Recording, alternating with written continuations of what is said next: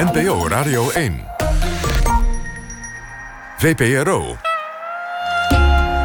Nooit meer slapen.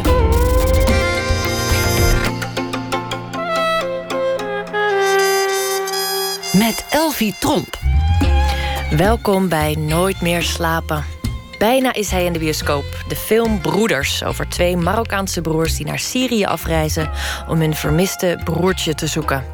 Een van die broers wordt gespeeld door Walid Ben Barek. Vandaag is hij te gast in de Open Kaartrubriek. En na ene zal hij vragen over leven en werk beantwoorden. En het nieuwe jaar is nog maar net begonnen, maar ik heb de beste serie van het jaar al gezien. Dat is namelijk The End of the Fucking World. Maar wat vinden dames en de heren critici ervan?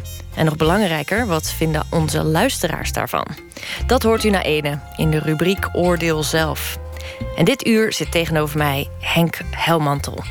Vorig jaar vierde de Groningse schilder Henk Helmantel zijn 50-jarige kunstenaarschap. Zijn werk is niet onopgemerkt gebleven. Zo werd hij in 2008 kunstenaar van het jaar en in 2014 gekroond tot ridder in de Orde van Oranje Nassau. En ook buiten de grens is zijn werk populair. Zo is er eind vorige maand een groot retrospectief geopend in het prestigieuze Mai Museum in Taiwan. Als u reislustig bent, kunt u daar 65 van zijn werken daar ruim een jaar zien.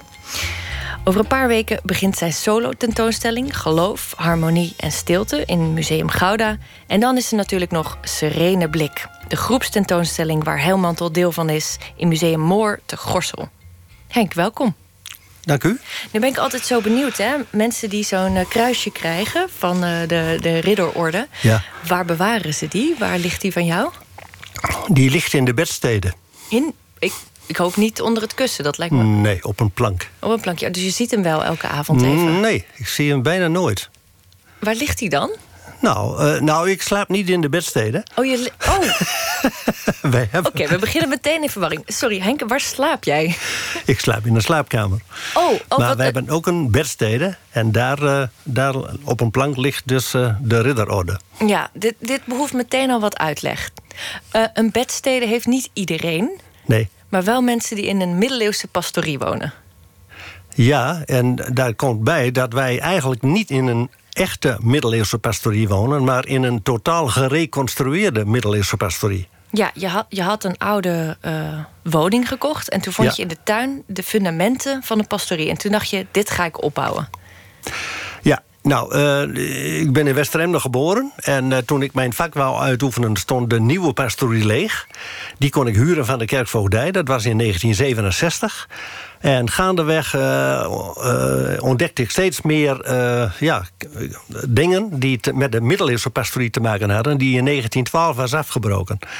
En na goede voorbereiding, heel goede voorbereiding zelfs, met schilderijen maken, tekeningen maken, opgravingen doen, dus archeologisch onderzoek, zijn we overgegaan vanaf 1974 tot totale herbouw van die middeleeuwse pastorieboerderij.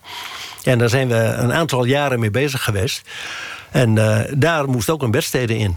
En daar ligt nu het uh, ridderkruisje. Ja. ja. Is dat een ereplek, de, de bedstede? Nou, kijk, ik, ik vond het heel bijzonder dat ik die uh, onderscheiding ontving. Maar uh, verder, uh, ja, ik, ik ben niet zo uh, van nou, voortdurend met dat ding laten zien. En, nee, niet elke dat, zondag het kruisje nee, nee, nee, nee. Nou, je hebt ook een klein lintje. Die, kun je, die mag je altijd dragen. Oké. op, dat... op, een, op een net pak. Maar jij hebt hem vandaag niet aan. Nee, ik heb ook geen net pak aan. Dus, nee, nee. Ben je eigenlijk koningsgezind? ja, niet door alles heen. Wat maar, betekent dat? Nou, wat betekent dat? Uh, ik vind dat ze hun positie uh, op een juiste manier vorm horen te geven. En daar ben ik erg tevreden over. En mijn, mijn koningsgezindheid hangt, hangt wel samen met wat maken ze ervan. Huh? Net als een premier of een Kamerlid of, of, of wat dan ook. En, en, hoe doen ze het? Ik vind dat ze het goed doen. Zowel okay. Beatrix, uh, Juliana vond ik, het ook, vond ik ook goed. En Beatrix prima. En ik vind dat zij het samen ook, uh, de koning en de koningin, goed doen. Dus Mogen we blij mee zijn. Ja, positief gezind. Ja. Ah, mooi. En een oranje tompoes op Koningsdag? Mm, dat is wel eens gebeurd, maar dat is geen standaard. Nee, nee, nee. Um, nou, je zit hier natuurlijk niet om over de koning te praten, maar over je werk en je leven. Laten we dat werk eerst eens even omschrijven. Het is immers radio. Je oeuvre bevat vooral stillevens en sobere kerkinterieuren. Traditioneel realisme wordt het genoemd in de brochure bij de voorstelling in Moor. Maar ook een stilgehouden hartstocht. Je wordt er poëtisch van. En om even de brochure te parafraseren. Waar de glamour boys van de Gouden Eeuw hun stillevens laten shinen, kiezen hun 20e eeuwse collega's voor soberheid. Om in muziektermen te spreken. Het zijn bravoure rappers versus ingetogen singer-songwriters.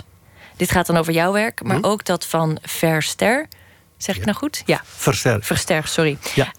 Uh, Mankes en Cat die te zien zijn. Uh, deze tekst heb je niet zelf geschreven, wel? Uh, nee, nee. Ben je het ermee eens?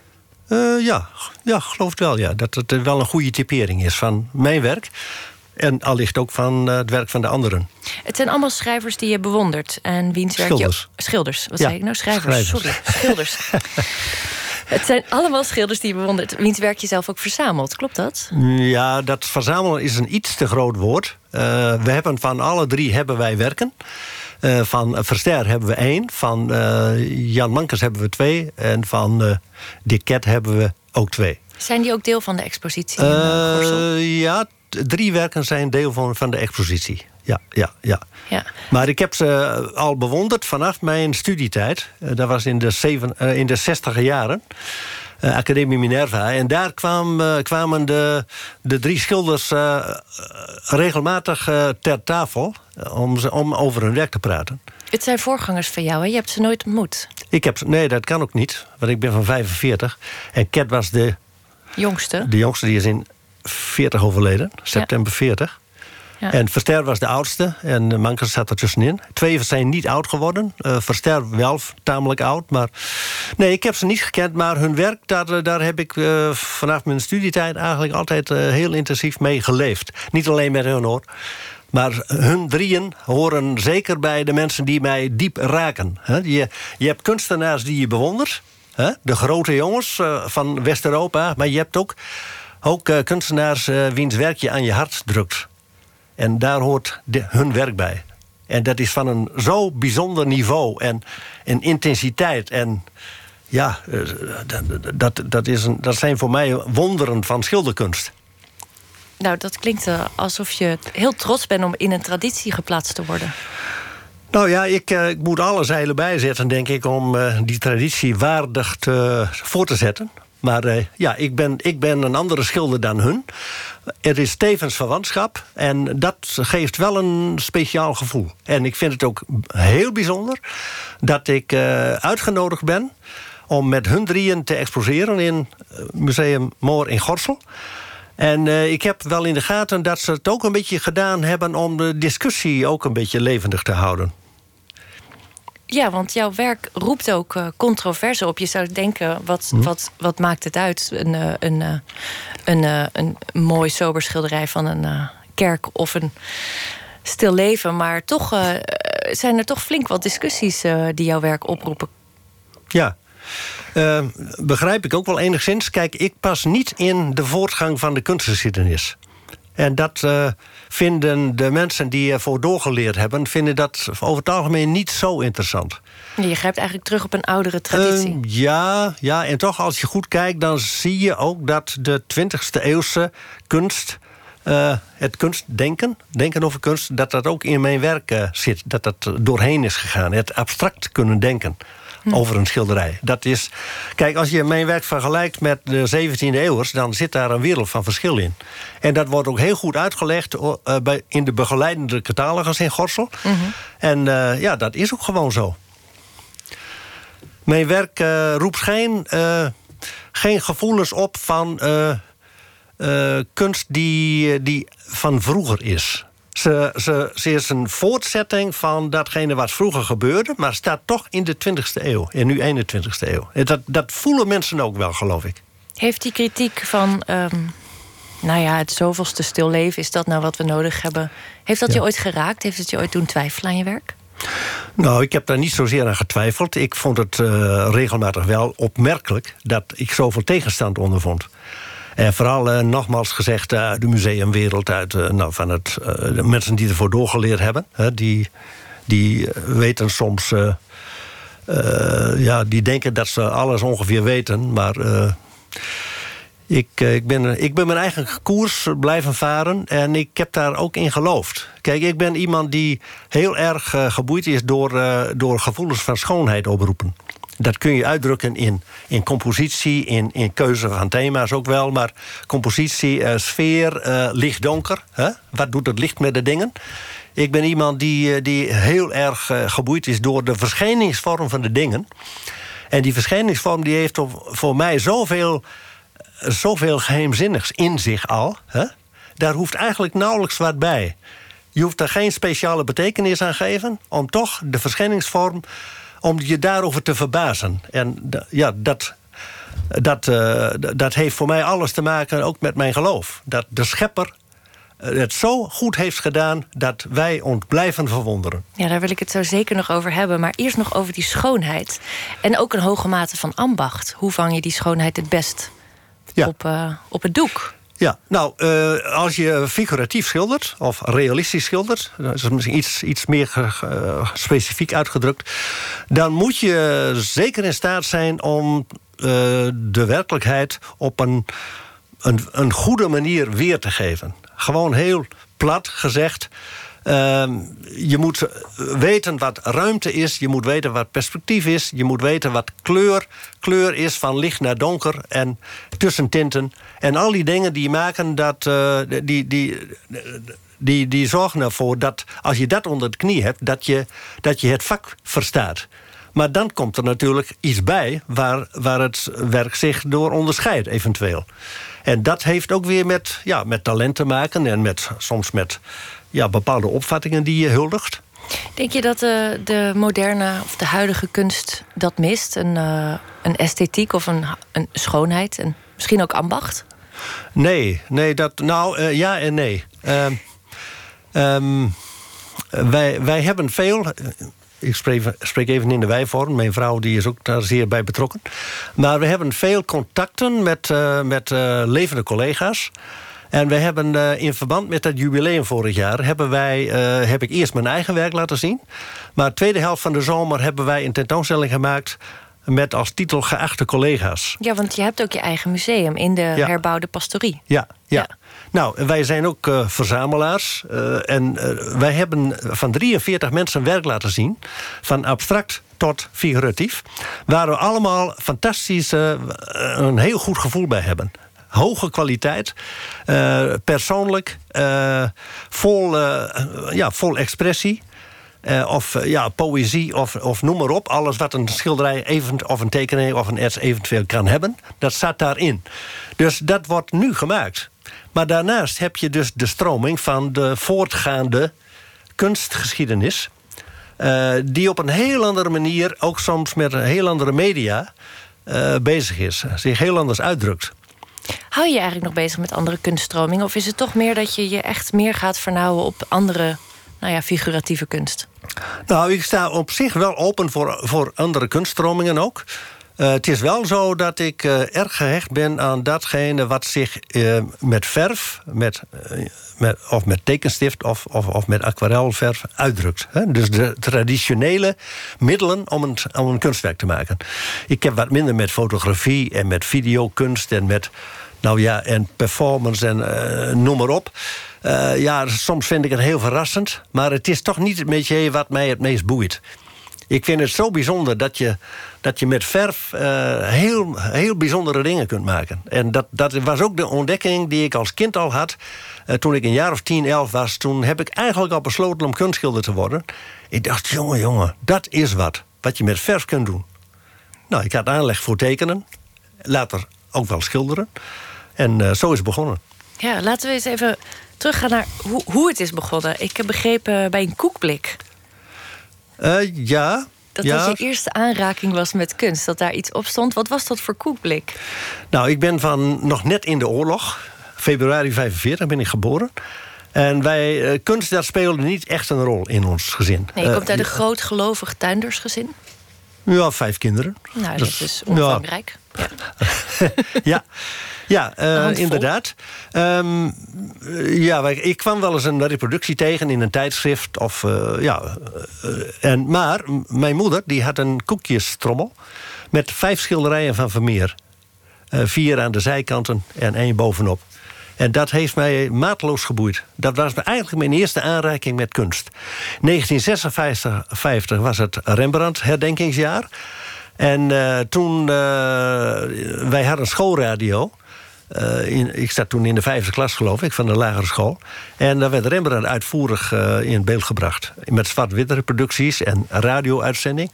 En dat, ja, dat, dat, dat was geweldig. Nou, toen ik 15 was, dus eigenlijk heel laat... bezocht ik het voor het eerst een museum. Dat was het Rijksmuseum in Amsterdam. Vanuit Wormerveer, uh, fietsend op en, op en neer iedere dag. En naar Haarlem, uh, Frans Hals Museum, uh, Stedelijk Museum... Van Gogh Museum was er nog niet. En uh, ja, dat vond ik zoiets geweldigs. Welke, wat was jouw... Was je de oudste zoon?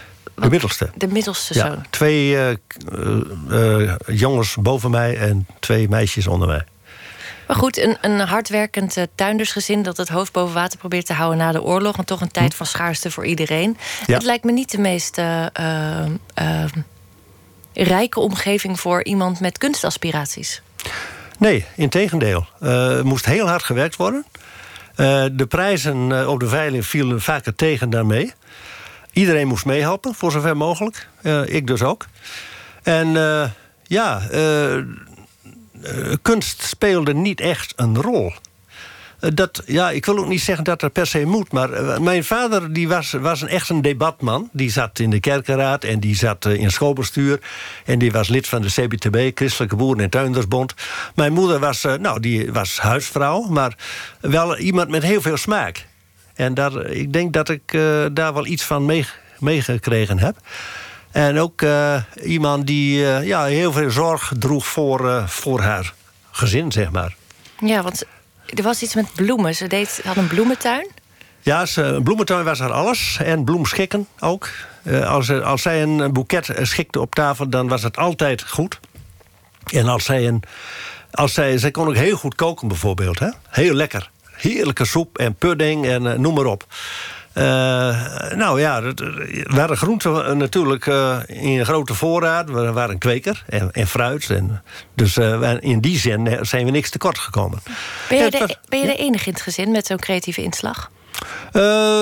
ja, ja een zuster van mij die, die is ook gaan boetseren. Laatste jaren, of al enkele jaren. Die kan ook aardig goede aquarellen maken. En de jongste zuster die, die houdt ook erg veel van kunst. Uh, ja, het, het zijpelt langzamerhand ons gezin binnen. Oh, toch wel? Of denk jij dat jij het hebt besmet, als het ware? Nou, kijk, door mijn uh, activiteiten uh, gaan ze nog wel eens naar een tentoonstelling toe... naar een opening, zo ook in Gorsel bijvoorbeeld. En dat was toch een heel mooi gebeuren. En nou, dan, dan hebben ze ook wel aandacht voor de kunst, hoor, absoluut. En vooral, ja, mijn, mijn, mijn, ja, iedereen eigenlijk wel.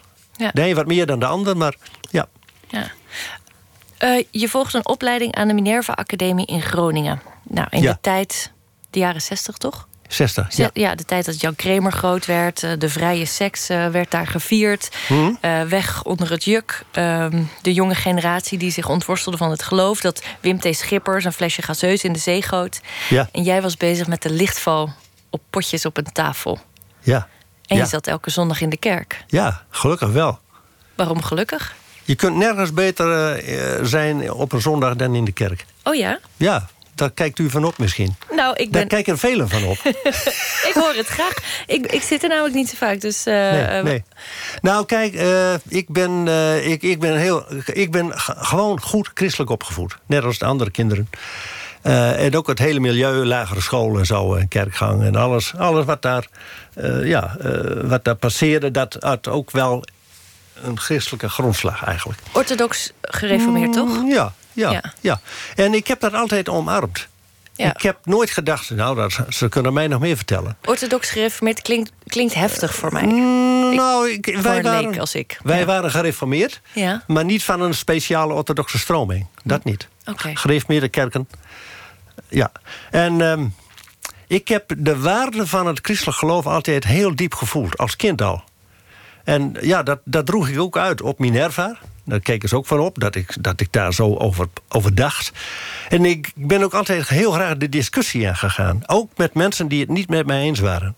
Dat heeft me ook enorm gevormd om, het, om mij ook te verantwoorden waarin ik nu eigenlijk geloof. Dus u bent ook een debatman, net zoals uw vader. Ja, ik hou er wel van, ja. Ja, ja, Ik moet het u toch vragen. U zit hier tegenover een, eh, een jonge vrouw...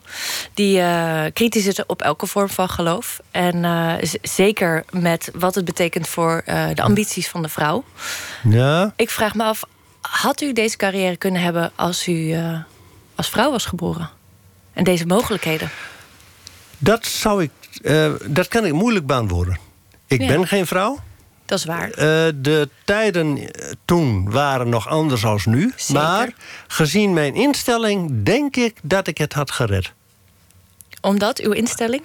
Nou, ik ben iemand van, uh, ik ga ervoor. Uh, tot het uiterste. Ja, u was heel gefocust, hè? Ja, ja, ja, ja. ja, ja. en dat is nog zo. Ja. ja, idealist ben ik. Een idealist? Een idealist, ja. Gaan voor dat dat wat je uh, aan, aan, eigenschappen hebt gekregen, waar je wat mee kunt. Dat was in mijn geval was dat uh, aanleg voor tekenen en schilderen. Maar ook het herbouwen van zo'n pastorieboerderij. Nou, en alles wat daar verder op mijn pad komt... dat, dat, dat, dat uitzicht ook op een manier dat je... denk ik wel mag vaststellen dat ik uh, idealist ben gebleven. In, in veel opzichten. Maar ik denk niet dat ze stonden te juichen toen u zei... ik word kunstenaar. Zeker Mm. in die tijd was dat natuurlijk toch eigenlijk... ja, Nou, te juichen stonden ze niet. nee. Maar ze voelden wel heel snel dat ik, uh, dat ik het heel serieus meende. Ja. En na diverse gesprekken uh, is er, hebben ze toch wel gezegd... nou, uh, ja, ga je gang. Ja. En ik heb ook tegen mijn ouders gezegd... als ik het niet heb geprobeerd... dan neem ik mij dat mijn hele leven kwalijk. Ik ga ervoor. En als het niet lukt, dan zien we wel weer. Dus een heel groot vertrouwen in de toekomst en in de mogelijkheden die ik had. Waar ik geen zekerheid over had. Maar wel uh, dat ideaal, idealisme, dat, dat was in mij. Ja, mooi. Ja. Ik wil toch nog even een lastige vraag stellen over vrouwen in de kunst. Want uh, in mijn voorwerk zag ik dat u vooral eigenlijk alleen mannelijke kunstenaars benoemt als uh, ja, inspiratiebronnen, als voorbeelden. U staat nu ook in een uh, expositie met alleen maar mannelijke voorgangers. Ja, ja. Uh, het is een feit, statistisch gezien, dat vrouwen minder geëxposeerd worden. Dat ja. Er, ja. Hoe, hoe kijkt u daartegen aan? Nou, ik, uh, ik, ik ken wel enkele, enkele vrouwelijke kunstenaars uh, die, die heel goed zijn. Een paar Franse impressionisten bijvoorbeeld. Uh, Bert Morisot in Frankrijk. Therese Swarts in Nederland. Suze Robertson. In de 17e eeuw had je, hoe heet het ook, leerling van Frans Hals. Ik ben even de naam kwijt. Het is een, een, duidelijke minderheid, maar dat, dat zat hem ook in het maatschappelijke. Uh, ja, de rol van de vrouw, hè? Ja, ja het zwelt ja. nu aan. Dat, ja. is, dat is nu heel anders. Ik geef ook één, nee, drie dagen in, in het jaar geef ik les op de Klassieke Academie in Groningen. Mm -hmm. Maar meer dan de helft is vrouw. Ja, dat is opvallend. Hè? Ja, ja. Wel veel op wat oudere leeftijd. Dat ze een, een, een late roeping, als het ware, hebben. Net zoals zeggen, uw zussen in feite?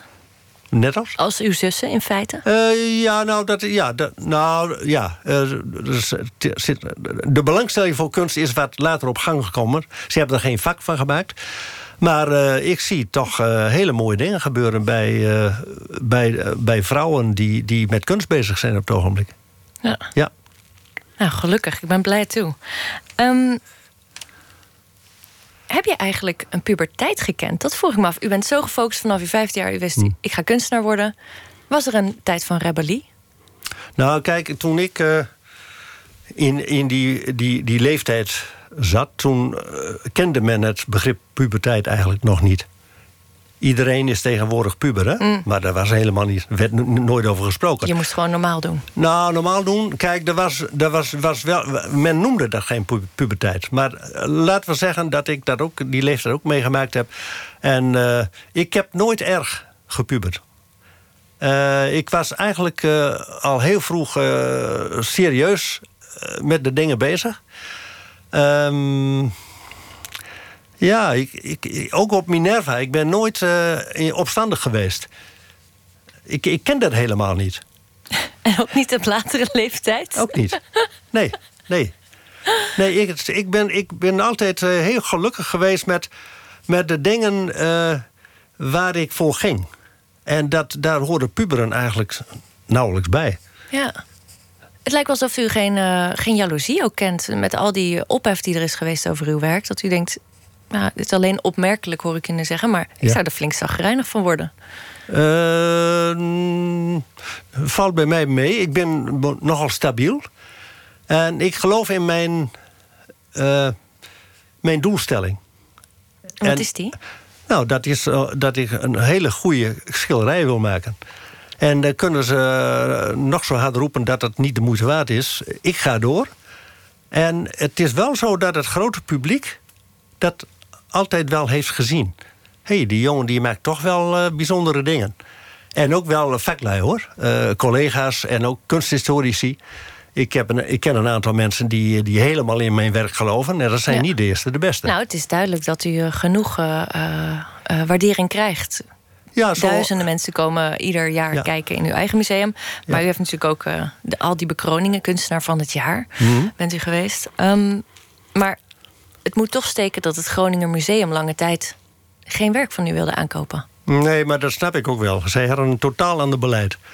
En uh, de, de, huidige directeur, uh, Blum, die zit anders in elkaar. En die constateert, uh, goede kunst is goede kunst. Jij bent een Groninger, wij kopen een schilderij van je aan. Ja, want het werd, het werd hoog uitgespeeld tot in de politieke regionen. Ja, ja, ja, ja. ja, Nou, het is natuurlijk ook absurd dat een, een, een goede kunstenaar in zijn eigen regio niet gezien wordt door een regionaal museum. He? Groningen Museum is een, is een prima museum, maar wel in Groningen. Mhm. En waarom zouden ze uh, tientallen schilderijen van de ploeg hebben? Die hebben ze gelukkig. En van de huidige tijd helemaal niks wat betreft de figuratieve kunst. Dat is toch heel, heel raar. Ja, vind ik dat wel. Vond, dat, kon het, uh, dat vond het publiek dus ook. En die zijn bijna in opstand gekomen daartegen. Er zijn ingezonden brieven geschreven, er vragen in de, in de gedeputeerde, bij de gedeputeerde staten, enzovoort, enzovoort. En, en hangt u nu op een mooie plek? Hij hangt goed. Ja, het is bijeen gebleven. Uh, nou ja, misschien komt er nog meer, maar uh, ach, kijk, in Taiwan, waar ik ook exposeer... daar hebben ze inmiddels acht schilderijen gekocht van mij. Gigantische expositie, uh, dus ja. acht gekocht en er hangen er 65. Ja. Bent u gaan kijken? Ja, we zijn er geweest. Hoe was dat? We hebben nog nooit zoiets moois meegemaakt. Echt waar? Ja, dat, was, dat sloeg alles. Het, de ontvangst, de huisvesting, de, de tentoonstelling zelf. Ongelooflijk. En wat was er zo mooi aan? Nou, zo smaakvol. Met bijpassende kleuren bij de schilderijen. En ze hebben een deel van ons huis zelfs, als het ware, nagemaakt. Ze hebben mijn atelier nagebouwd. Nou zijn dat natuurlijk op zich, ja... Het klinkt als een beetje kitscherig. Ja, en dat was het nou juist niet. Echt? Nee, het, het klopte allemaal. Wauw. Allemaal. Prachtige teksten aan de muur met grote foto's en grote fanen voor in, op het museum. Uh, als je binnenkomt. Dat, uh, wij stonden werkelijk uh, versteld. En, en, heeft u daar veel uh, medezeggenschap gehad over hoe het gepresenteerd moest worden? Sommige kunstenaars doen dat tot op de millimeter uitdenken en wat voor nee. licht en welk spotje. We hebben ons daar niet mee bemoeid. Toen we aankwamen, toen was het ook grotendeels al klaar. En we konden daar eigenlijk alleen maar ja tegen zeggen. Hm. Het hangt heel ruim. Um, en um, nou, ze waren met een heel groot schilderij bezig... dat nog opgehangen moest worden. Die hing iets te laag. Daar heb ik iets van gezegd. Ik zei, nou, het moet eigenlijk 15 centimeter bij. Dat vonden ze zelf toen ook. Maar verder hebben we ons nergens mee bemoeid. Het was allemaal perfect. Ja. Wat, wat is het in uw werk dat, uh, dat het zo goed past bij Taiwan... of bij de Oosterse wereld? Uh, ja, weet ik. Ik weet niet of, of dat uh, iets speciaals is. Twintig jaar geleden heb ik ook een tentoonstelling gehad daar. En dat was op, op voordracht van een, een een professor aan de kunstacademie van Taipei. Die heeft Nederland bezocht, bezocht ons, ons werk, mijn werk. En die zei, die moeten we in Taiwan laten zien. Nou, zo is de bal gaan rollen. Er was ook een, er was een modern museum. En dat was uh, ja, twintig jaar geleden. Dat was ook fantastisch. Maar dit, dit was nog indrukwekkender. En daar is toen een bezoeker geweest op die tentoonstelling... twintig jaar geleden... die nu uh, artistiek directeur is van dit museum. in Tainan. En eh, die zei, de eerste die we uitnodigen uit het buitenland is Henk Helmantel. Die was je nooit vergeten. Nee, Bijna een, eh, ja, een kunstzinnig liefdesverhaal. Ja. Tussen een, een kijker en een schilder. Dat klinkt misschien gek. Maar, ja, je- Nee, maar- zoals je zelf zegt, werken die je tegen het hart drukt... dat is een enorme eer om te mogen merken... dat het Ja, jouw zeker. werk ook eh, toevalt. Nou ja, dat, ja ik, ik geloof dat, dat ik veel mensen wel heel gelukkig mag maken met mijn werk, ja. Ja, dat geloof ik wel, ja. Nou, dat lijkt me een bevoorrechte positie. Ja, ja. Ja. Ik heb al zoveel goede dingen beleefd in mijn leven. Wat dat betreft ook. Aan tentoonstellingen, aan eh, boekenuitgaves en eh, nou ja, van alles en nog wat. Je had het net over, even over je geloof. Eh, je beelden ademen ook een verstilling uit, een soort bezinning. Mhm. Is schilderen een spirituele bezigheid? Ehm, ik denk dat, dat kunst daar wel iets mee te maken kan hebben. Eh, een kunstwerk maken vraagt om een bepaalde instelling. Eh, ja, daar moet, je, daar moet je voluit voor gaan. Eh, ik geloof niet dat je kunt zeggen dat eh, kunst religie kan, kan vervangen. Je kunt religieus zijn, in mijn geval christelijk. En dat laten doorcijpelen in de kunst die je maakt. En iemand die niet gelovig is, ik geloof niet dat die nou echt ja, spiritueel. Ja, dat is ook zo'n zo'n zo'n begrip hè, waar je alle kanten mee op kunt. Ja, wat, wat betekent het voor u? Ja, ik geloof niet zo in spiritueel in algemene zin. Eh, ik geloof in het evangelie. En dat is voor mij meer dan spiritueel. Dat is een levensovertuiging. Dat is een gave van God. En als je algemeen spiritueel bent, zonder dat je eh, godsdienstig bent... dan ben je wel gevoelig voor, voor dingen wat er meer is tussen hemel en aarde. Het, het leven is zo, niet zomaar. Eh, daar, daar moet iets zijn waar, wat aan onze, onze kennis ontsnapt. Dat is het wonder van het leven zelf. En eh, ja, dan kun je, eh, dan ga je misschien de spirituele kant op. Eh, en daar is op zich niks mis mee, maar ik zou het niet direct willen zien als gelovig. Dat, dat is weer iets anders. Nee, nou, ik, ik vraag het omdat, omdat uw be- beelden dus die verstilling uitademen... en eh, de daad van bidden Hm. of van herdenken is natuurlijk ook een verstilde daad. Ja, ja, Ja. ja. Nou kan een gebed natuurlijk eh, wel allerlei karakters hebben. Dat kan ook, eh, je kunt ook heel opstandig zijn. Ook in het gebed dat laten horen. Dat kom je ook tegen, met name in het Oude Testament. Eh, je kunt ook eh, ja, je kunt, eh, tot inkeer komen. Je kunt rouwdragend zijn. Er zijn allerlei facetten uit het leven... die ook in het gebed natuurlijk een plek kunnen hebben. En dat, zo hoort het ook te zijn, denk ik. Het, spreken met God. Je, je brengt je leven voor Gods aangezicht. En dat heeft, dat heeft hoogte- en dieptepunten en alles wat daartussenin zit. Ja, kun je ook woedend bidden? Nou, je kunt God wel vragen stellen, ja. Dat, Eh. ja, dat doen we misschien te weinig. Ja, Huh? zeg, hoe zit het? Ja, hoe zit het? Maar God vraagt ons ook, hoe zit het met jullie? Want zij, wij zijn vaak zelf de schuldigen dat het niet goed gaat. Dat ligt niet aan God. Wij zijn de oorzaak van heel veel ellende. Eh, Jaloezie, eh, nou, nou, agressiviteit en, en een handje de voorste willen zijn. En nou, noem maar op. Het is grappig dat je zegt haantje de voorste willen zijn. Want dat doet me denken aan een anekdote, ook uit je jeugd, uit de Minerva-tijd. Ja. Waarbij je dagelijks 40 kilometer fietste om de, en probeerde de bus in te halen. Nou, Kun je ja. me daar iets over vertellen? Nou, inhalen. Ik probeerde de bus bij te houden. Dus als hij weer bij, bij een stopplaats had gestopt om eh, mensen binnen te laten, Klasgenoten? eh, ook. Ja. En dan probeerde ik zo lang mogelijk achter die bus aan te rijden. Hè, om om in, de, in de zuigkracht van de bus zoveel mogelijk snelheid te ontwikkelen. Nou, dat is natuurlijk ook een soort sport, hè? Ja. Ik had vaak medelijden met de mensen die met de bus gingen. Terwijl ik in weer en wind onder alle omstandigheden op de fiets zat. Want waarom had je medelijden? Ja, ik dacht, ach, die. die eh, nou ja, je vindt dat niet dapper of zo. Hè? Ja, nou, dat lijkt, zie ik toch een haantje de voorste. Ja, nou ja, je, je maakt er een wedstrijd van. Hmm. Hè? Ik zal eh, zorgen dat ik, eh, eh, met al die, die tegenwind toch op tijd bent bij, in school. En nou ja, dat, dat soort dingen. Hè? Dat is misschien ook een beetje bravoer van de jeugd. Zit dat er nog steeds in? Nou, mm, nee, dat geloof ik niet zo. Het is milder geworden. Ja, ik ben wat dat betreft niet zo'n streber, nee. Nee, niet competitief ingesteld? Ehm zal er altijd wel een beetje in blijven zitten. Ik maar... kan me voorstellen dat u toch wel af en toe terugdenkt aan die uh, academie-collega's. En waar, waar zijn zij nu? Nou, het was een mooie tijd. Ik heb er veel geleerd en uh, goede contacten gelegd. Maar niet iedereen hangt in Taiwan. Nee, nee, maar dat is het. Ja, dat, dat, dat is ook zo. Wat moet ik daarvan zeggen? Ik, ik, gelukkig beschik ik over een bepaald talent. Waar ik ook heel hard aan gewerkt heb om dat te ontwikkelen. En mijn werk uh, blijkt dus op te vallen. In, in een veelheid van werk wat ontstaat. Maar er zijn natuurlijk anderen die op een andere wijze ook, uh, ook wel de aandacht krijgen die, ja, die zij verdienen. Ja. Huh?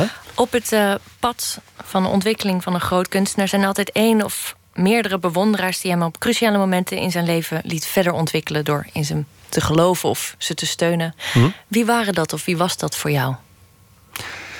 Nou, dan noem ik uh, bijvoorbeeld uh, de oud-leraar van mij, uh, Kruipel, Diederik Kruipel. Heel belangrijke publicist ook op het gebied van kunst.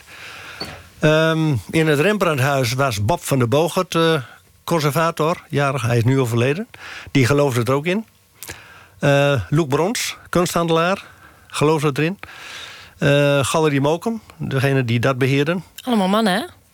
Nee, dat waren dames. Oh, sorry. Oké, okay. ja, nou, dan neem ik hem terug. Ja, ja.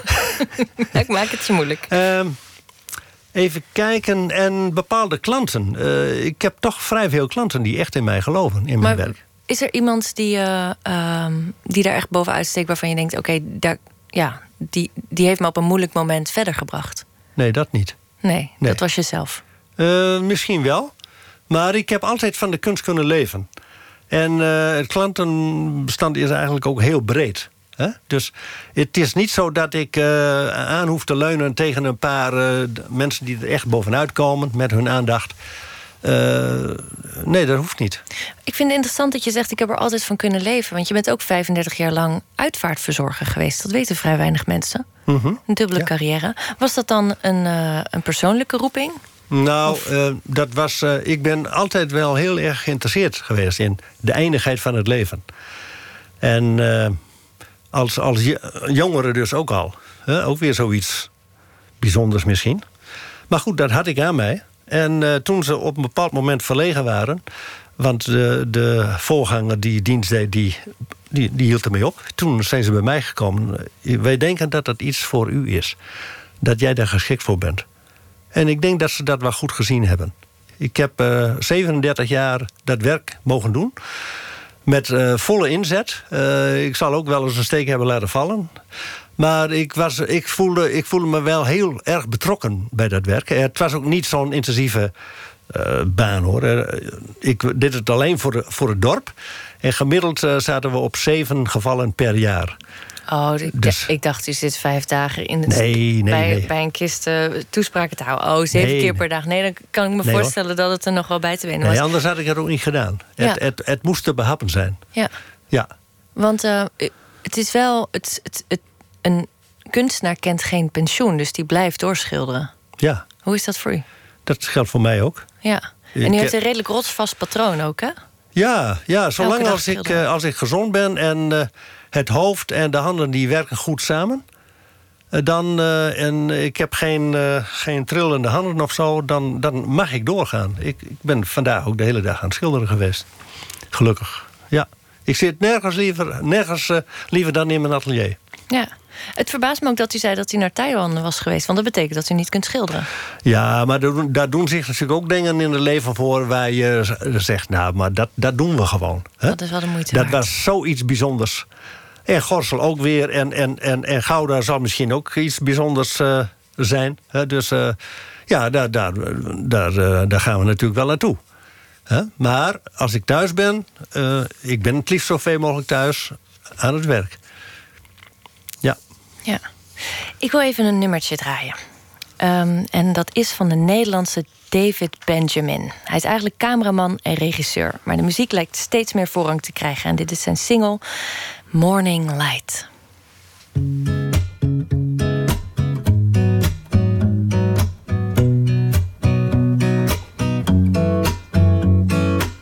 Your silhouette against the window by the bed. Red lips wrapped around the burning cigarette. I knew that you would be the best thing I'd regret, but under your charms, I'm over my head. You are the drug that I shouldn't be taking, one that is hard to refuse. This is a game that I shouldn't partake in, but it feels so good to lose. Girl, take me into your ocean, burn me up in your skies, dance around in slow motion, shoot me down with your eyes.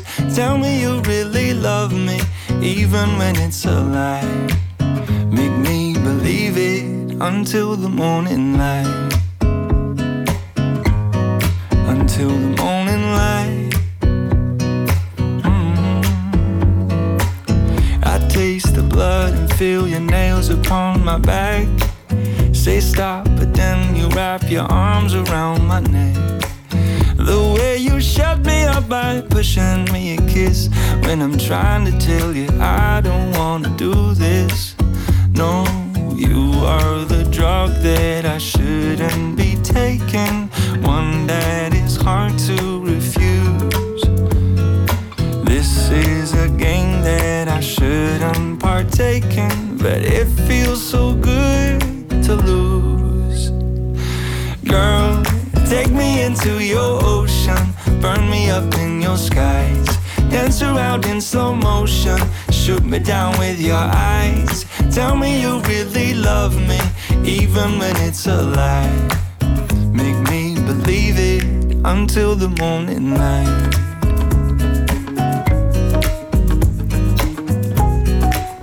Make me believe it until the morning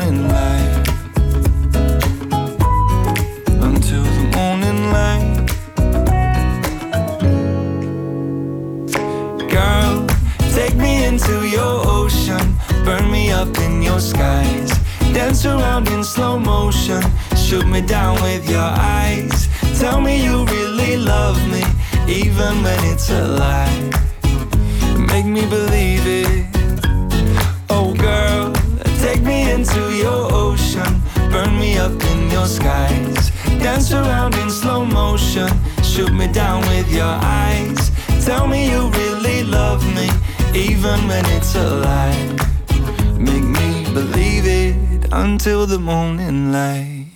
Dat was David Benjamin met Morning Light. En Tegenover mij zit schilder Henk Helmantel. Zijn 50-jarig kunstenaarschap viert hij met een overzichtstentoonstelling in Museum Gouda.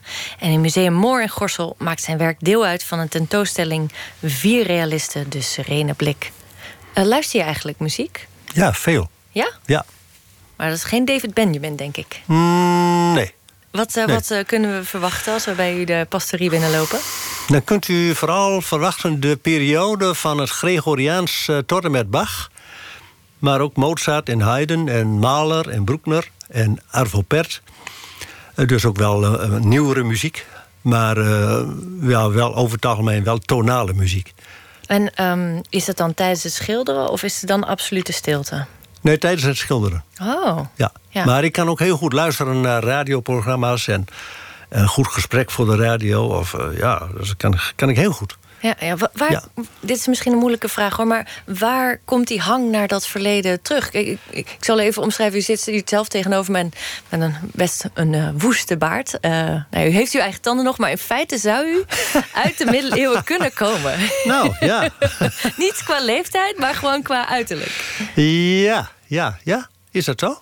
Ja, Oh, nou ja, dat, dat zou best kunnen, ja. Maar het is niet zo dat ik eh, voortdurend hang naar de middeleeuwen zelf. Maar ik vind het wel fantastisch dat, dat wij zoveel affiniteit met de middeleeuwen hebben. Eh, qua architectuur en, en nou ja, de, de geschiedenis toen, dat spreekt me heel erg aan. Ook de cultuur. Hè? Wij hebben ook eh, nogal wat middeleeuwse dingen verzameld. En eh, daar maken we ook wel tentoonstellingen mee. Wa- wat voor dingen moet ik me dan eh, in... Nou, middeleeuwse beelden, eh, meubels, gebruiksvoorwerpen. En die gebruiksvoorwerpen die worden ook regelmatig in beeld gebracht op schilderijen. Oké, dus die dienen echt als uh, Ja, inspiratie. maar niet alleen dat hoor. Ook Chinese bronzen van 2000 jaar oud. En uh, Mexicaans aardewerk en, en Romeins glas. Dat vind ik ook zo'n heerlijk thema. Waarom? Van, oh, dat is zoiets moois. Wat is, wat is er beter aan Romeins glas dan, uh, nou ja, nu deze glazen kan hier? Nou, de Romeinen die, die, daar waren de beste glasblazers die er ooit geleefd hebben. Dat is nooit verbeterd. En de, de veel, veelsoortigheid aan vormen en aan kleuren... vooral door de invloed van de, van de bodem... Hè, dat, is, dat is een feest om Romeins glas te zien. Dat is, dat, ja, dat, dat is eindeloos. En dat geldt eigenlijk ook voor Chinese bronzen... die 2000 jaar in de grond hebben gelegen. Met die, uh, met die, die huid die dan ontstaat door, door, door weers- en grondinvloeden. Uh, en, ja, maar ook verder dingen die iets meegemaakt hebben... die sleet zijn geworden. Ja, ik weet niet wat dat is, maar uh, daarnaast schilder ik dus ook heel graag vruchten en zo. Hè? Kastanjes en uh, mispels en peren en appels en, en uh, nou, perziken en noem maar op. Maar hij heeft ook wel eens gezegd... liever een gebutste appel dan eentje die perfect rond is. Ja, ja, ja. nou gebutst. Een, een wat onregelmatige appel. Waaraan je kunt zien dat hij uh, de hele mensen heeft getrotseerd... Niet helemaal volmaakt. Maar dat geldt eigenlijk ook voor een menselijk gezicht. Hè? Uh, in, de, in de tijd van Napoleon probeerde men het ideale gezicht weer helemaal in beeld te krijgen. De neus recht, de ogen, alles verticaal en horizontaal. Helemaal symmetrisch. Maar dat zijn hele lelijke gezichten in feite. Moet iets van spanning in een gezicht zijn voor het karakter en het, ja, het persoonlijke, wat echt bij, bij die persoon hoort. En dat geldt ook voor, voor, voor producten die je schildert. Een, een, een appel waar net even iets mee is, die is mooier dan een volmaakte appel. Vindt u uzelf dan ook knapper dan uh, 20, 30 jaar geleden? Uh, nou, kijk, je, wordt ouder. En uh, ja, het gezicht gaat er anders uitzien. Uh, ik vind jonge gezichten ook wel mooi, hoor. Maar die... die ja, natuurlijk vind ik dat mooi. Je wordt er niet knapper op. Maar misschien wel karakteristieker. Doordat het leven eroverheen is gegaan. En misschien schilderbaarder? Schilderbaarder? Meer, meer uh, ja, nou kijk, hoeft niet per se. Als je nou naar het meisje van de parel kijkt, van Vermeer. Dat is een, je zou kunnen zeggen, een volmaakt meisje. Ja, helemaal glad gezicht, bijna Maar zo goed. Hmm. En karaktervol. Daar zeg je ook ja tegen. Hmm. Maar als Rembrandt een, uh, een oude man uh, schildert, een apostel of zo... of de, denk maar aan zijn zelfportretten, zijn latere zelfportretten... dat zijn ook fantastische portretten. Kijk, het, het, de, criterium zit altijd in het talent van de, van de kunstenaar. Of het wat wordt of niet. Bach die, die raakt de noten aan en de meeste werken ontstaan. Rembrandt pakt zijn penseel of zijn kwast, ontstaan meesterwerken. Vermeer idem dito. Monet ook. En ook de drie die nu in Moor hangen. He? En dus het is van doorslaggevende betekenis... wat is de, het talent wat je hebt ontvangen en wat doe je ermee? Dat zie je in de hele kunstgeschiedenis. Denkt u dat mensen te veel hun talenten verkwisten? Uh, dat kan, dat kan. Ik heb wel de indruk, als je echt over talent beschikt... dat je daar heel graag gebruik van maakt. En of dat nou op gebied van sport is... of op gebied van uh, goed kunnen spreken of goed kunnen schrijven... of kunnen schilderen of muziek kunnen maken... daar zijn natuurlijk wel mensen die hun leven verknoeien. Uh, ook wat dat betreft. En daar hebben ze denk ik over het algemeen ook spijt van. Maar goed, de meesten die zijn toch wel heel erg uh, dankbaar, denk ik... dat ze een talent hebben gekregen waar je wat mee kunt. Maar er is wel heel veel afleiding in deze tijd. Er is heel veel afleiding. Uh, ja, daar moet ik ook voor oppassen. Ja, wie niet? Oh ja, wat, wat is uw... Uh, uw uh, nou, ik probeer dat... waar raakt u het meeste tijd aan kwijt? Wat is uw, nou, aan schilderen gelukkig. Ja, maar buiten schilderen, wat, nou, wat leidt ik u heb, af? Ik heb geen mobiele telefoon. Ik, heb geen, ik kan niet met, met internet omgaan. ik kan mijn banknummer net onthouden. Ik heb geen rijbewijs. Uh, dus allemaal dingen die, die het leven ook volmaken. Hè? En daar, heb ik dus, uh, daar onttrek ik mij een beetje aan. Dat kan ik ook doen. Omdat mijn vrouw uh, ja, ook een aantal dingen opvangt op dat gebied. Dus ik heb makkelijk praten. Maar ik probeer mij volop te concentreren op het eigenlijke werk. Mijn, het talent wat ik ontvangen heb, daarmee aan het werk. Dat is bijzonder. U zei eerder al Rembrandt. En u heeft ook meerdere van zijn etsen die u verzamelt. Ja. Wat, ja. wat is het aan zijn werk? Want hij is natuurlijk een van die glamour boys... die zo eh, werden beschreven in de brochure. Zo zou ik hem nooit noemen. Nee? Nee, Oh, hoe, nee een, hoe- een grote meester. Ja, Maar geen glamourboy, dat is iets van onze tijd. maar toch ook veel eh, menselijke portretten. Jawel. Heel ja. iets anders dan wat u doet. Ja, ja, ja. Eh, nou ja, hij heeft ook volop eh, genoten van de, van de rijke kant van het leven. Maar hij, hij heeft natuurlijk zulke fantastische dingen gedaan... op het gebied van tekenen en etsen en, en, en schilderijen. Dat is eh, heel wat bijzonders. Heel wat bijzonder. Daar raak je nooit op uitgekeken. En dat geldt voor meer meesters, maar hij hoort wel echt bij de top. Heeft u zich wel eens gewaagd aan portretschilderij? Ja, heb ik mij wel aan gewaagd. Ik vind niet dat ik daar. Dat het voldoende uit de verf komt. Ik kan wel een portret maken. En die zijn ook niet verkeerd. Maar het zijn geen topwerken. En ik vind, eh, als je dat niet kunt... dan laat dan, in mijn geval laat ik dat graag aan een ander over... die het wel, wel kan. En die zijn er. Ja. Ja. U wordt wel eens de miljonair op klompen genoemd. Ja, dat is even zo'n kreet geweest. Er was een, eh, er was een uitzending van eh, eh, een EO-programma. Ik geloof, ik, Ja. ik weet niet precies hoe het heet. Van niets begonnen of zo. Met niks begonnen, ja. Met niets begonnen, Ja. dat heeft u ook op veel kritiek te komen staan... waarin u toch trots uw, uw Rembrandts liet zien? Ja, maar daar ben ik heel blij mee. En dat deel ik graag met anderen.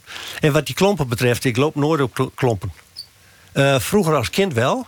Maar eh, to- eh, toen ik naar de Mulo ging, toen was het al voorbij. Hm. En ik heb nooit weer op klompen gelopen. Dus dat is allemaal uh, flauwekul eigenlijk. ja, Maar kijk, u, ont- u ontkent het miljonairsgedeelte dan weer niet. nou, kijk, ja, dat is zo. Ik heb altijd heel goed van de kunst kunnen leven. We hebben ook nou, mooie dingen kunnen verzamelen. Eh, dus dat is een groot voorrecht. En eh, wij zijn eh, niet zo lang geleden zijn wij een stichting geworden. Het museumgedeelte, maar ook het voorhuis. Mensen kunnen komen kijken. Met door een rondleiding. En wij doen graag mee aan nou, bruiklenen beschikbaar stellen voor andere tentoonstellingen. Dus de, de kunst die we verzameld hebben, die functioneert ook. Maar inderdaad, mensen hebben gelijk. Ik heb heel goed van de kunst kunnen leven. Ja, Ja. En, en nog. Ja, fantastisch. Ja. Ehm, wat ook weinig mensen weten... is dat u voor de doodstraf bent. Nee, dat is ook een. Dat is niet zo. Oh, dan moet u dat toch wel even uitleggen. heeft, ooit in trouw, heeft ooit in trouw Ja, gestaan. de trouw, ja. Dat is me door sommigen kwalijk genomen. Het, de, de- dat was de tien geboden. Hm. Hè? In die rubriek was het. Ehm, ik heb toen het volgende gezegd. Ik kan mij gevallen voorstellen dat je aan de doodstraf denkt. En het ging toen bijvoorbeeld over de, het geval Dutroux in België. Nou, dat was natuurlijk een verschrikking wat die mensen aangedaan is. En dat je dan eh, tot de overweging komt. Dus maar meer vra vragende wijs. Maar ik ben helemaal niet voor de doodstraf in, in, in, in algemene zin. Maar zo van, als die nooit berouw toont... als keer op keer op fout gaat... Ja, dat maar beter? ik denk dat iedereen dat moeilijk vindt. Maar daar hebben we toch het rechtssysteem voor? Als ze geva- gevangen zijn, dan zijn ze gevangen. ja, jawel. Ja, maar ik denk als, als, eh, als je als mens eh, denkt aan het groot onrecht wat sommigen aangedaan wordt en ook blijvend, dat dat, dat door je heen schiet. Ja, daar zou de doodstraf misschien van, of van toepassing zijn. Maar onze cultuur geeft aan dat wij dat niet doen. En daar voeg ik mij graag in. Ja. Dus ik heb daar geen moeite mee dat er geen doodstraf is. Helemaal niet. Maar dat je door je heen gaat, dat, dat, dat kan iedereen zich denk ik wel voorstellen. ja, absoluut. Bloeddorstige menigtes stonden bij Ja, de maar rechtbank. wij hebben ook allemaal eh, eh, ja, onze, onze eigen afwegingen. Wat, wat doen we met bepaalde dingen? Hoe denken we erover? En eh, dat kan natuurlijk heel diep gaan. Hè? In, ja. Maar ik denk dan ook vaak, wij zijn allemaal mensen met onze tekorten. En we moeten eigenlijk allemaal van genade leven. En eh, dus eh, wees niet te snel met eh, ja, het veroordelen van je naaste. Want je bent zelf ook niet volmaakt. Kunt u dat nog een keer zeggen? We moeten van genade Nou, leven? dat denk ik dan ook in, in, in, in, in Gods. eh, in, in, de, in, de, in, in verband met het geloof. Hè? Ja, Ehm, van Gods genade zijn wij in feite afhankelijk. Want wij mensen die hebben veel tekorten. Mm Maar God heeft de mens de mogelijkheid gegeven om, om ons weer op de rails te zetten. Zodat wij voort kunnen. En dat, dat van genade leven, dat, is een, ja, dat gaat ook heel diep. En wat, ben... wat betekent dat? Uh, wat... Nou, wij hebben niet verdiend dat wij, uh, dat we eigenlijk een goed leven hebben. We hebben dat niet verdiend? Mm, daar, wij hebben zoveel tekorten. Mm Maar God die wil graag dat wij tot ons recht komen. En dat, dat zie ik dus als een genade. Als een geschenk aan de mensen. Als je nou naar mij luistert en doet wat ik voor heb met de mensen... dan zul je leven. En dat is ook de boodschap van het Oude Testament... en ook de boodschap van, van Jezus Christus. U kunt er in ieder geval heel uh, uh, nou ja, bevlogen over, over, over praten. Zit er ook een bepaalde zendingsdrang in uw werk? In mijn werk uh, niet direct. Ik heb wel eens een schilderij gemaakt... waar de boodschap heel duidelijk in tot uit, uit, uiting komt. Een opengeslagen bijbel bijvoorbeeld. Die hangt ook in Gorsel op het ogenblik. Ja. En dat is niet voor niks. Dat is eigenlijk mijn geloofsbeleidenis. Oude Testament hoort bij het Nieuwe Testament. Christus is, uh, is daarin een centrale figuur. Hij noemt zichzelf het levende water. En wie van mij drinkt zal nooit meer dorst krijgen. In symbolische zin, geestelijke zin. Nou, en uh, ja, dat, op een uitzondering ja, druk ik mij daar ook heel duidelijk in uit. Maar het is uh, subtiel wel vaker ook aanwezig in andere schilderijen. Met een, ja, met een, met een oei, ja, kerkinterieur heeft er natuurlijk al in zich qua thema.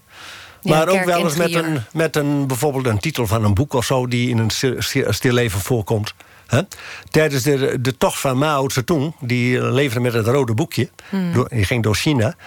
Uh, toen, ons, toen schreef Okke Jager ook een boekje over het geloof. Een oude theoloog. En dat was ook een rood boekje. Heb ik in mijn stilleven heb ik het rode boekje van, van Okke Jager neergelegd om te, om te zeggen... ja, er zijn nog meer rode, boekjes. Betere die, misschien wel. doen. Beter dan die van Mao. nou ja, dat, zijn zo van die dingen. Ja. Huh? Zendingsdrang, zendingsdrang en grapje in één. Ook uh, ja, ja je, moet, uh, je, je moet de humor in het leven uh, altijd bewaren. Ja, dat lijkt me heel mooi. U, u kunt kijken op een, terugkijken op een enorm rijk oeuvre en leven. zijn er nu nog dingen waarvan u zegt... oh, dit zou ik willen bereiken? Niet Taiwan, maar hm. China of nou, hoeft niet per se. Hoeft niet per se. Wat ik dit jaar meemaak, uh, goed, dat vind ik zo bijzonder. En ik hoop nog, uh, nog uh, een aantal jaren mee te kunnen uh, als, nou, als kunstenaar. Dat ik ook nog goede dingen mag maken die ertoe doen. Waar mensen blij mee zijn, waar ik zelf ook tevreden over ben. Ja, en verder vol vertrouwen de toekomst tegemoet gaan. Nou, dat lijkt me een prachtige manier om in het leven te staan. Henk, mag ik je bedanken voor uh, dit gesprek. Graag gedaan. Ja, en we kunnen je werk nog zien in Museum Gouda binnenkort... bij Geloof, Harmonie en Stilte. En momenteel hang je in Gorsel in Museum Moor. Dankjewel voor je komst. Graag gedaan. Op Radio 1, het nieuws van alle kanten.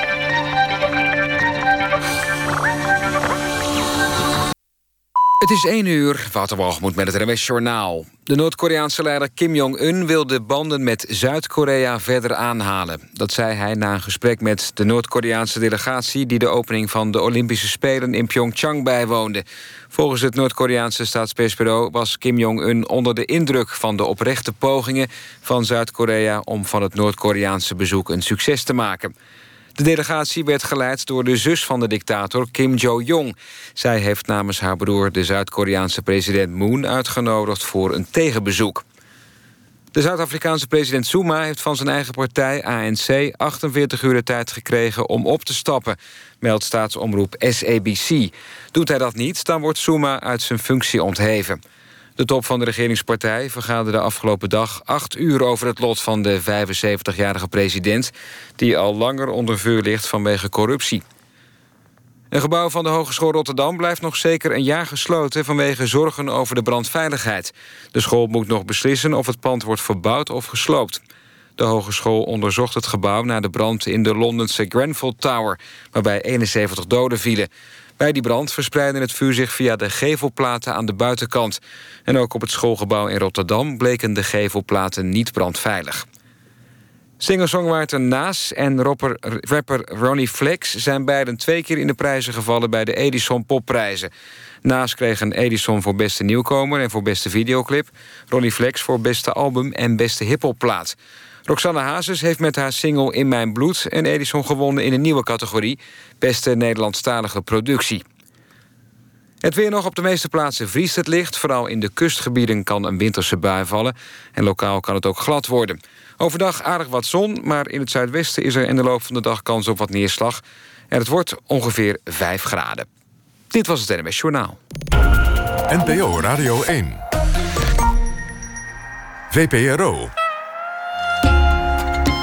Meer slapen.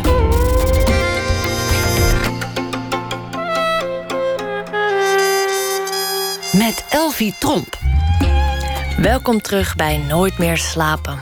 De film Broeders gaat over twee Marokkaanse broers die naar Syrië afreizen om hun vermiste broertje te zoeken. Een van die broers wordt gespeeld door Walid Ben Marek en hij is straks de gast in de rubriek Open Kaart. En in de andere rubriek Oordeel zelf hoort u dadelijk een bespreking van de serie The End of the Fucking World. Een nieuwe dark comedy van Netflix waar ik zelf erg fan van ben. Maar we beginnen met proza dat reageert op het nieuws van de voorbije dag. Deze week verzorgd door schrijver, columnist en journalist Henk van Straten. Hij heeft onder meer geschreven de roman Bidden en Vallen, het autobiografische Wij zeggen hier niet halfbroer. En volgende maand verschijnt Berichten uit het Tussenhuisje, zijn memoires over de periode na zijn scheiding. Goedenacht, Henk. Je hebt dus al een hele reis hè, achter de rug, heb ik begrepen. Hoe is het met je? Ja, goed. Nou ja, hele reis, hele reis. Ik kom uit Amsterdam inderdaad. Ja, nou, en, en daar woon je niet natuurlijk. nee, nee, nee, nee, nee, helemaal naar Eindhoven. Eindhoven. Dat, dat, dat in, in, mijn stukje dadelijk naar voren. Ja, nee, ja, klopt. Ja, je had heel wat uh, nieuws om uit te kiezen vandaag om uh, te schrijven. Dus ik zou zeggen, take it away. Ik ben heel benieuwd ja. wat je hebt gekozen. Yes, oké, okay, komt ie dan, hè? Ja. Ik woon in Eindhoven en afgelopen weekend vierde ik carnaval verkleed als mijn hagedis Oscar. Ja, ik heb een hagedis, maar dat doet er nu even niet toe. Het was zondagavond toen ik iets wat beneveld mijn schubbige staart achter me aansleepte en het laatste café voor die dag binnentrad. Toen ik mijn weg door de hossende massa had gewurmd en eindelijk bij de bar aankwam, viel van verbazing mijn mond open. Ik zag een man gekleed in net pak en stropdas en kon zweren dat het Halbe Zelstra was. Ik tikte hem op de schouder, waarop hij zich met een elkant een biertje naar me omdraaide. Halbe Zelstra, zei ik. Bent u het echt? Nee hoor, zei Halbe. Maar ik zie u staan, zei ik. U bent het wel. Oké, zei hij. Ik ben het wel. Dus u loog net, zei ik. Halbe nam van beide biertjes een slokje en zei... Mm, toen was het nog niet aan de orde. Ik staarde hem aan en stamelde. Het was niet aan de orde dat u zojuist Halbe Zelstra was? Halbe antwoordde. Toen het verhaal speelde, heb ik het weggeduwd. Het was dus desinformatie, zei ik, nu wat stelliger... maar werd onderbroken door iemand die zei... dat is ook maar een mening. Nu duizelde het me pas echt. Want het was niet Halbe Zelstra die dit zei, maar Willem Vermeend. Rood van de drank, zijn stropdas over de schouder geworpen. Willem Vermeend, kraamde ik uit. Dat is uw opvatting, zei Willem Vermeend. Maar Willem, zei ik, de waarheid is toch geen mening? U bent toch gewoon wie u bent? Willem lachte en kwam zo dichtbij staan dat ik het bier en de nootjes op zijn adem rook. Wat u vindt, dat moet u zelf weten, zei hij. Ik sta achter wat ik heb gezegd. Ik keek van de een naar de ander, totaal beduust en vroeg... Wat doen jullie eigenlijk in Eindhoven? Zijn jullie er samen naartoe gekomen? Nee, zei Halbe. We hebben elkaar nog nooit gezien. Sterker nog, zei Willem, ik zie Halbe nu nog steeds niet. Halbe, waar ben je, Halbe? De twee keken elkaar aan, barsten in lachen uit en gaven elkaar een high five. Waarna Halbe een lome arm om mijn schouders sloeg en zei... Zeg Henk, weet jij wel wat ik zou willen zijn? Na een diepe zucht gokte ik... Een bloemetjesgordijn? Hij knikte. En ineens heel ernstig, alsof het zo onderhand maar eens klaar moest zijn met die waanzin en het voor, het, en het voor de gek houden. Weet je Henk, zei een mens moet heel zijn leven blijven knokken. Want anders zit hij zo in de puree. Een mens moet heel zijn leven blijven dokken. Betalen moet hij tot zijn AOE. Maar lekker rustig blijven hangen als een gordijn. Dat moet toch zalig zijn. Uh, denk je dat hij blijft zitten als minister? Of uh, denk je dat hij gewipt nou, gaat worden? Nee, ik denk dat hij gewipt wordt. Ik zie nu dingen ook op Twitter voorbij komen en, en uh, wat er nu allemaal speelt. Um, uh, ook met na wat Philippe Remarque heeft gezegd van de Volkskrant. Dat hij eigenlijk al de Volkskrant piepelde destijds. Uh, met die zogenaamde bron. Dus ik vrees dat het uh, het hek van de dam is. Ja, je lijkt er toch niet heel rauwig om. Nee, nee, ik vind dit, ja, ik vind dit heerlijk eigenlijk. Ik vind het heerlijk ook, ook weet je, het is een beetje nu in dat, in de, in het uh, Trump-tijdperk. Um, lijkt er zoveel makkelijker steeds gedaan worden over die leugens en maar wat roepen en dan, en dan je gewoon, en dan gewoon kunnen zeggen, nee hoor, nee, ik zei het niet. Um, dat dat bijna normaal wordt of zo. En dat zie je ook bij zo'n Willem Vermeent over dat boek dat dan vol leugens staat. En bij die Amerikaanse ambassadeur die maar wat kan roepen. En, en uh, ja, ik, kom op, ik vind dat we daar heel alert op moeten blijven. En dat dat soort opportunisme gewoon uh, echt afgestraft moet worden. Ja. Dus, dus um, ja, ik zeg dat met plezier uh, in mijn stem. Heel goed, ja. De waarheid moet boven tafel en die moet zegenvieren. Maar uh, ik heb nog één prangende vraag. Waar kunnen wij een ja. foto van jou in, een, uh, in je hagedissenpak zien? Is daar fotobewijs van? Nee, dat zijn, nee helaas. Nee, daar, daar, waren foto's van, maar die zijn uh, vernietigd. En de, de, mensen die ze genomen hebben, die, zijn, uh, die leven ook niet meer. Dus ik kan je daar niet aan helpen, helaas. Je breekt mijn hart. Henk, mag ik je hartelijk bedanken en we spreken je later nog deze week. Ja, zeker weten. Oké, okay, fijne avond jij. Tot dan. Doei. Doei. De zelfmoord van acteur Robbie Williams uh, zorgde in 2014 voor een heuse zelfmoordgolf in Amerika. En de Amerikaanse band Darlingside schreef na de dood van Robbie Williams een liedje over verlies. En dat klinkt zo: Hold your head up high.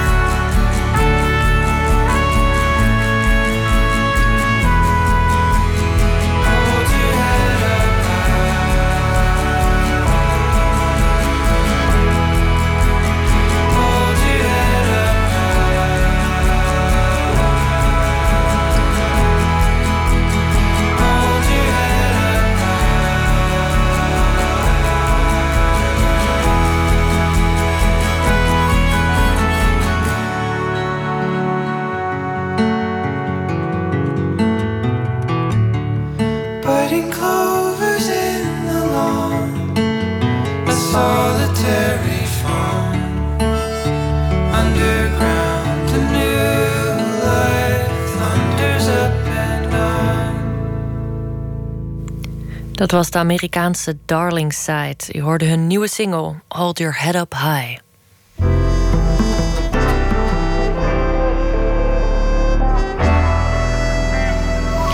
In onze rubriek Open Kaart trekt de gast kaarten uit een bak met ruim 150 vragen over werk en leven. En deze keer doen we dat met acteur Walid Benmarek, bekend van onder andere Goede Tijden, Slechte Tijden en van de films zoals Loverboy, Shoef Shoef en Infiltrant.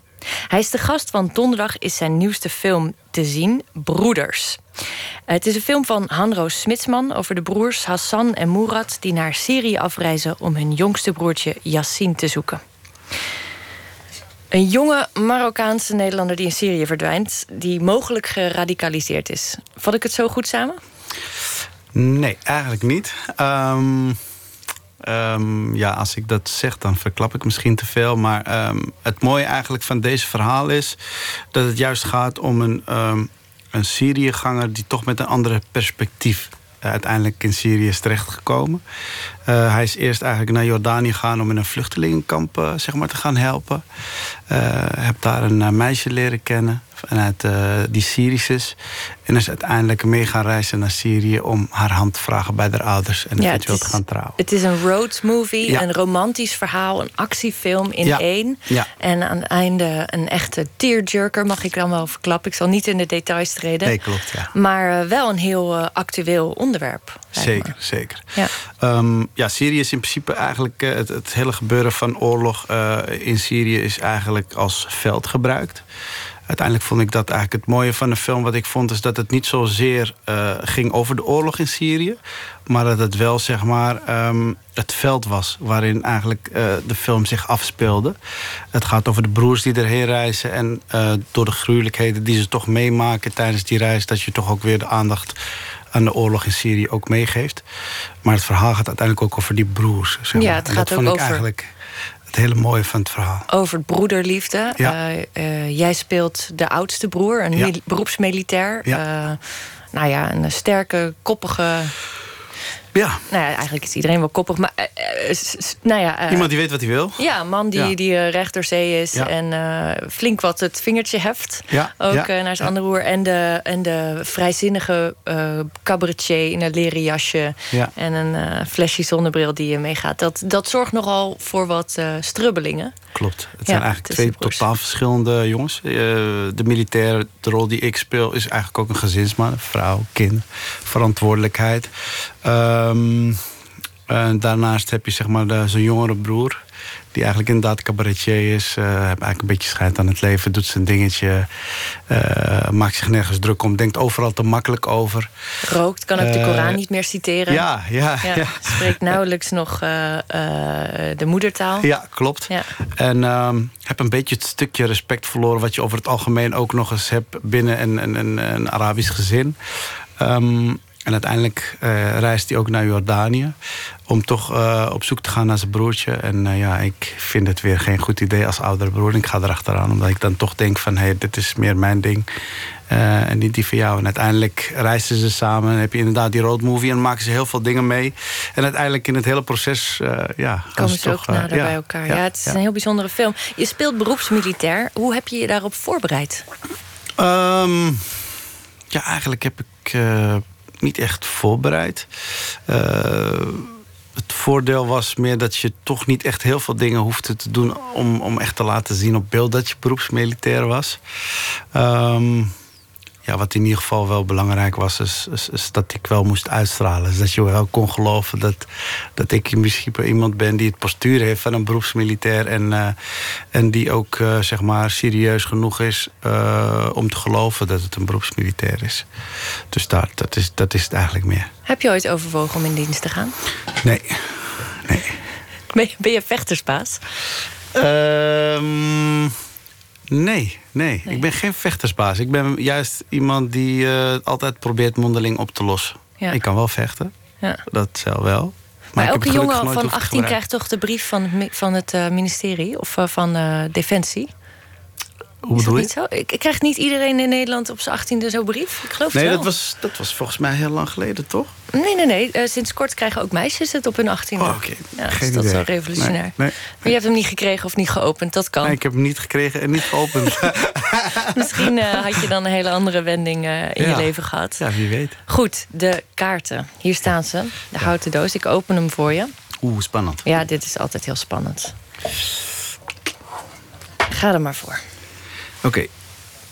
Heel voorzichtig. En meteen de eerste ook. Poeh. Meteen een moeilijke? Ja, vind ik Ja, wel. Van welke voor. collega's zou je nog wat kunnen leren? Je was vanavond bij een première Ja, van een andere film. ja. Dat, eh, daar speelt zeg maar uh, Nasreddin Char. eh, een van de hoofdrollen. Ja, dat is ook een, eh, een goede vriend van mij geworden. We hebben Heeft samen... ook een gouden kalf gewonnen. Ja, zeker, zeker. Is een topacteur. Ik heb samen met hem eh, in Infiltrant gezeten. We kunnen heel goed met elkaar overweg. Vaak ook als we met elkaar eh, scènes doen of ergens zitten, dan klikt het ook heel goed.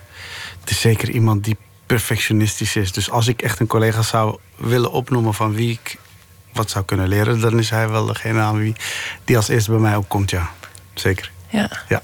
En eh, zou jij nog wel zo'n gouden kalf eh, willen winnen? Staat dat op de bucketlist? Ja, zeker. Ik denk dat het voor elke acteur wel is. Nou, Voor mij in ieder geval zeker, ja. ja, ja. Mooi streven. Zeker. Ja. Oké, volgende vraag. Oh, je gaat ze heel netjes af ook. Sommige Ja. mensen gaan heel erg zo door Heel die bak moeilijk doen, warrelen. maar ja, nee, waarom? gewoon, Gewoon op de pakken. eerste bam. Ehm, welke kritiek van anderen krijg je soms te horen? Ehm,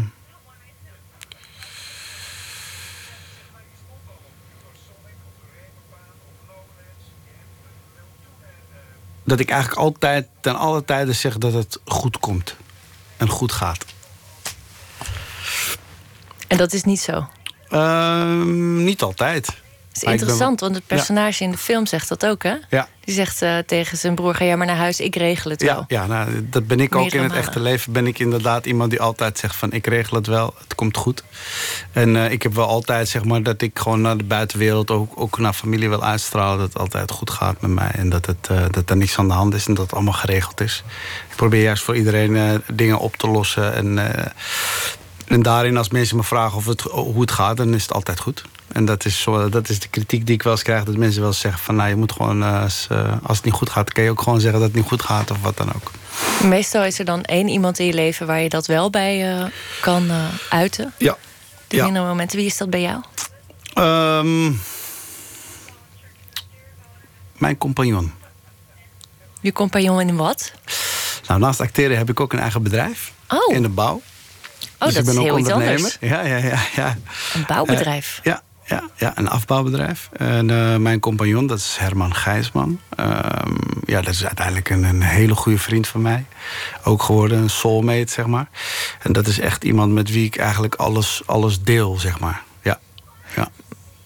Ook een soort broederliefde dus. ja zeker. Maar zeker. wat betekent dat dan? Dat je dus eh, overdag op de set staat en dan nog een paar uur afbouwt? Of andersom? Of... Nou ja, goed, ik heb een bedrijf en eh, dat is ongeveer, eh, ja, je moet met een mannetje of 40, zeg maar. Wow, dat is Ja, heel groot. Dat is best wel een serieus bedrijf, ja. Hoe kom je dan aan het spelen in een film toe? Hoe doe je dat dan? Niet, daar moet je toch een paar maanden Nou, vrij voor nemen. Ja, me. ja nou, op zich valt het wel mee. Maar waar het eigenlijk, wat het eigenlijk is... ik ben ooit in 2003 begonnen met acteren. Dat vond ik superleuk. Alleen in Nederland is het toch heel moeilijk om... zeker als eh, iemand met een Marokkaanse achtergrond... of wat dan ook, toch echt aan de bak te komen. Ehm, en sowieso vind ik persoonlijk met, met, met, met, eh, eh, met, met, met onze achtergrond, zeg maar, als het ware, is het ook gewoon heel lastig. Ehm, dus op een gegeven moment had ik zoiets van, ik werd ook heel vaak gevraagd voor een beetje standaard rollen van een, van een eh, beveiliger of eh, voor de deur of inderdaad loverboy. Ehm, en ehm, ik hou van zekerheid. En op een gegeven moment had ik zoiets van... nou, ik wil toch gaan ondernemen of iets voor mezelf doen. En uiteindelijk als het echt komt en op een pad komt... dan komt het wel op mijn pad. Maar dan bepaal ik zelf wel op een gegeven moment... wat ik wel doe en wat ik niet doe.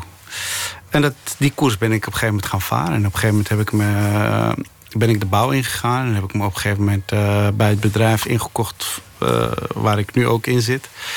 En eh, in 2000 2009 was ik toen een beetje eigenlijk gestopt met, met, met acteren. En in 2013 kwam uh, Infiltrant op mijn pad. En daar had ik auditie voor gedaan. De rol leek me super leuk. Toen dacht ik, hé, hey, nou, als ik toch weer zoiets ga doen... dan wil ik alleen dingen doen waarvan ik, waar ik achter sta. Wat eigenlijk iets waar ik ook mezelf kan laten zien. En wat ook inhoud heeft. En, en ik ben dan niet afhankelijk van het acteren. Ik, ik heb mijn eigen bedrijf. Ik, ik heb het goed. Dus ik doe alleen maar de dingen die ik, die ik leuk vind. Ik ben er niet van afhankelijk. Ik kan me voorstellen dat dat heel veel rust geeft. Ja, gigantisch. gigantisch. Dus uh, na de infiltrant kwamen er wel een aantal dingen op een pad... waarbij ik dacht van nee, echt niet, hell no. En uh, toen kwam Broeders weer. En wat was het aan deze rol dat je zo interessant vond? Dat je dacht, ja, dit is echt een rol voor mij? Um, nou, wat ik eigenlijk heel interessant aan vond, uh, is wat ik ook al eerder zei: het ging niet gelijk over terrorisme, zeg maar. Dus iedereen die hoort het verhaal over Syrië of wat dan ook, denkt gelijk: ah, oh, niet weer over uh, terrorisme of wat dan ook. In ieder geval, het gaat ook over een Syriëganger met een ander perspectief die uiteindelijk is. En het gaat ook over die broederschap, twee broers, familieband, roadmovie. Jordanië filmen van vier weken. Heerlijk. ja, vond je dat een mooi land? Ja, heel mooi. Ja. Was je wel eens geweest? Nee, nee, was nooit eerder geweest. Dus het was echt. Uh, Kun je het ja. voor me omschrijven? Want in de film. Heb, jullie hebben in de, in de kampen ook gefilmd, de vluchtelingkampen. Ja, ik, ik was zelf niet bij uh, die scènes uh, van de kampen. Dat was dan Bilal en Ahmed. Maar ik bedoel, het is, het is uh, een plaatje op zich, weet je wel. Als je uh, bij de Dode Zee, bij al die bergen en dingen... het is, het is, het is een prachtig mooi land. Uh, ik vind het sowieso heerlijk om in een Arabisch land te zitten. En bijvoorbeeld ook het, het, het, oproep voor het gebed te horen... s ochtends vroeg, dat soort dingen. Dat, dat, dat, voelt gewoon gelijk als, als thuiskomen voor mij. Dus ik vond het heerlijk.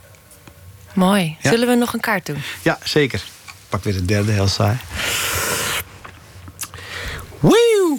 Dit is wel echt een hele gekke vraag. Wat vind je lelijk aan jezelf?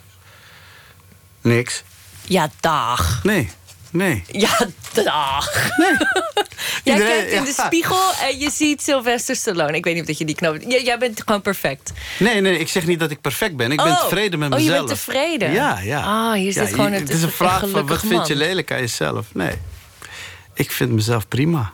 Oh, iemand zei laatst tegen mij: gelukkig mens is een lui mens. ik ben zeker niet lui. Ik ben gewoon een workaholic. Nee, zo klinkt het niet inderdaad. Zo klinkt het niet. Nee, nee, nee. nee. Ik ben je hebt een, gewoon geen tijd om in de spiegel te kijken. Ik denk dat dat nou, het ik is. Best, tenminste, vroeger was ik super ijdel. Maar nu totaal niet. Nee. Vrouw, gezinnetje. Ik doe mijn dingetje. Ja. De buiten is binnen. Ja, ja, ja zeker. Nou, je bent ook hartstikke knappe vent hoor, dus ik zit nou, je een beetje te plagen. Um, neem nog maar een kaart. Ja. Welke beslissing zou je het liefst terugdraaien?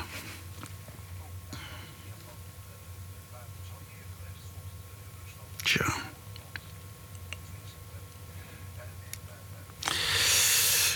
Mag ik hem anders uh, een beetje in die richting doen? Nou, Laat ik het zo zeggen. Ik, als ik had geweten, uh, als iemand mij ooit had verteld, bijvoorbeeld. Ja, ik heb vaak te horen gekregen toen ik begon met, met acteren. Toen zei, zeiden heel veel mensen steeds tegen mij: oh, Je hebt heel veel talent. Uh, poeh, je bent een ruwe diamant. Maar er is nooit iemand die tegen mij zei: van, joh, Je kan naar toneelschool of, of, of je kan uh, dingen doen of wat dan ook. En op een gegeven moment ja, denk je bij jezelf: Ik laat het zitten. En, en ik ga inderdaad iets anders doen, de bouw en of wat dan ook. Dus um, van die beslissing had ik heb ik wel misschien een beetje spijt. Ik had misschien iets meer kunnen uithalen toen. Je talent kunnen ja, verfijnen. Ja, ja, ja. Want hoe ben je begonnen met acteren? Nee, uh, ze waren toen eigenlijk op zoek naar Marokkaanse acteurs. Want die waren er toen eigenlijk heel weinig. Wanneer en spreken nog we steeds. nu? Uh, 2003. Oké. Okay. Dat was eigenlijk voor Loverboy toen destijds. En um, ik werd toen benaderd op straat van... joh, zou je het leuk vinden om een auditie te doen voor een uh, film? Televisiefilm. Ik zei, ja, waarom niet? Toen ben ik auditie gaan doen. En uh, ja, twee weken later kreeg ik te horen van... Joh, je hebt een, uh, een bijrol in de film. En toen is het uh, begonnen. En, ik vond het eigenlijk hartstikke leuk. En toen ben ik eigenlijk steeds kleinere dingen gaan doen. En zo is het eigenlijk het balletje gaan rollen. Alleen, er zijn weinig mensen die ooit tegen mij zeiden... van joh, je moet dat gaan doen of ga naar toneelschool... of doe dit of doe dat. Ja, dat heet growing up in public. Ja. ja leer het wel... ja, uiteindelijk, ja, dus van die beslis beslissing dat ik eigenlijk te snel dacht van op een gegeven moment laat maar zitten, ik ga iets anders doen. Dus ik heb wel misschien anders moeten doen. Ja.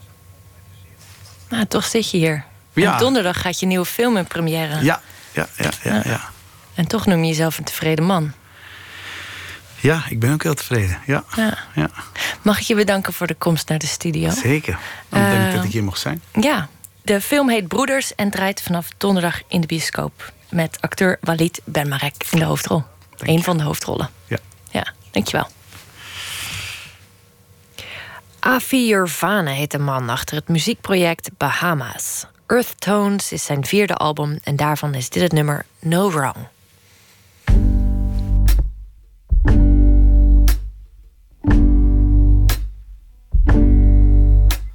Stay right here. I'll be coming home soon. I just emptied my lungs to some empty room.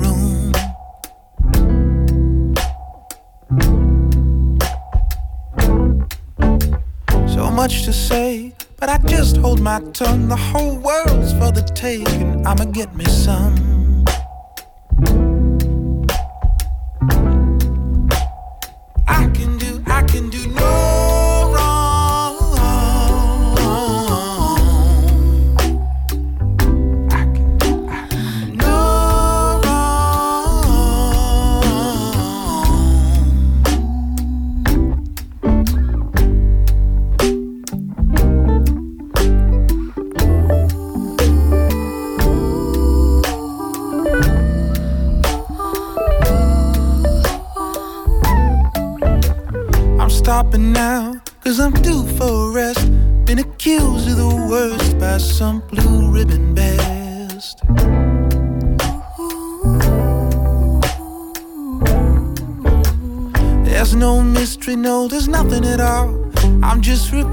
Myself since I wrote Southern Drawl.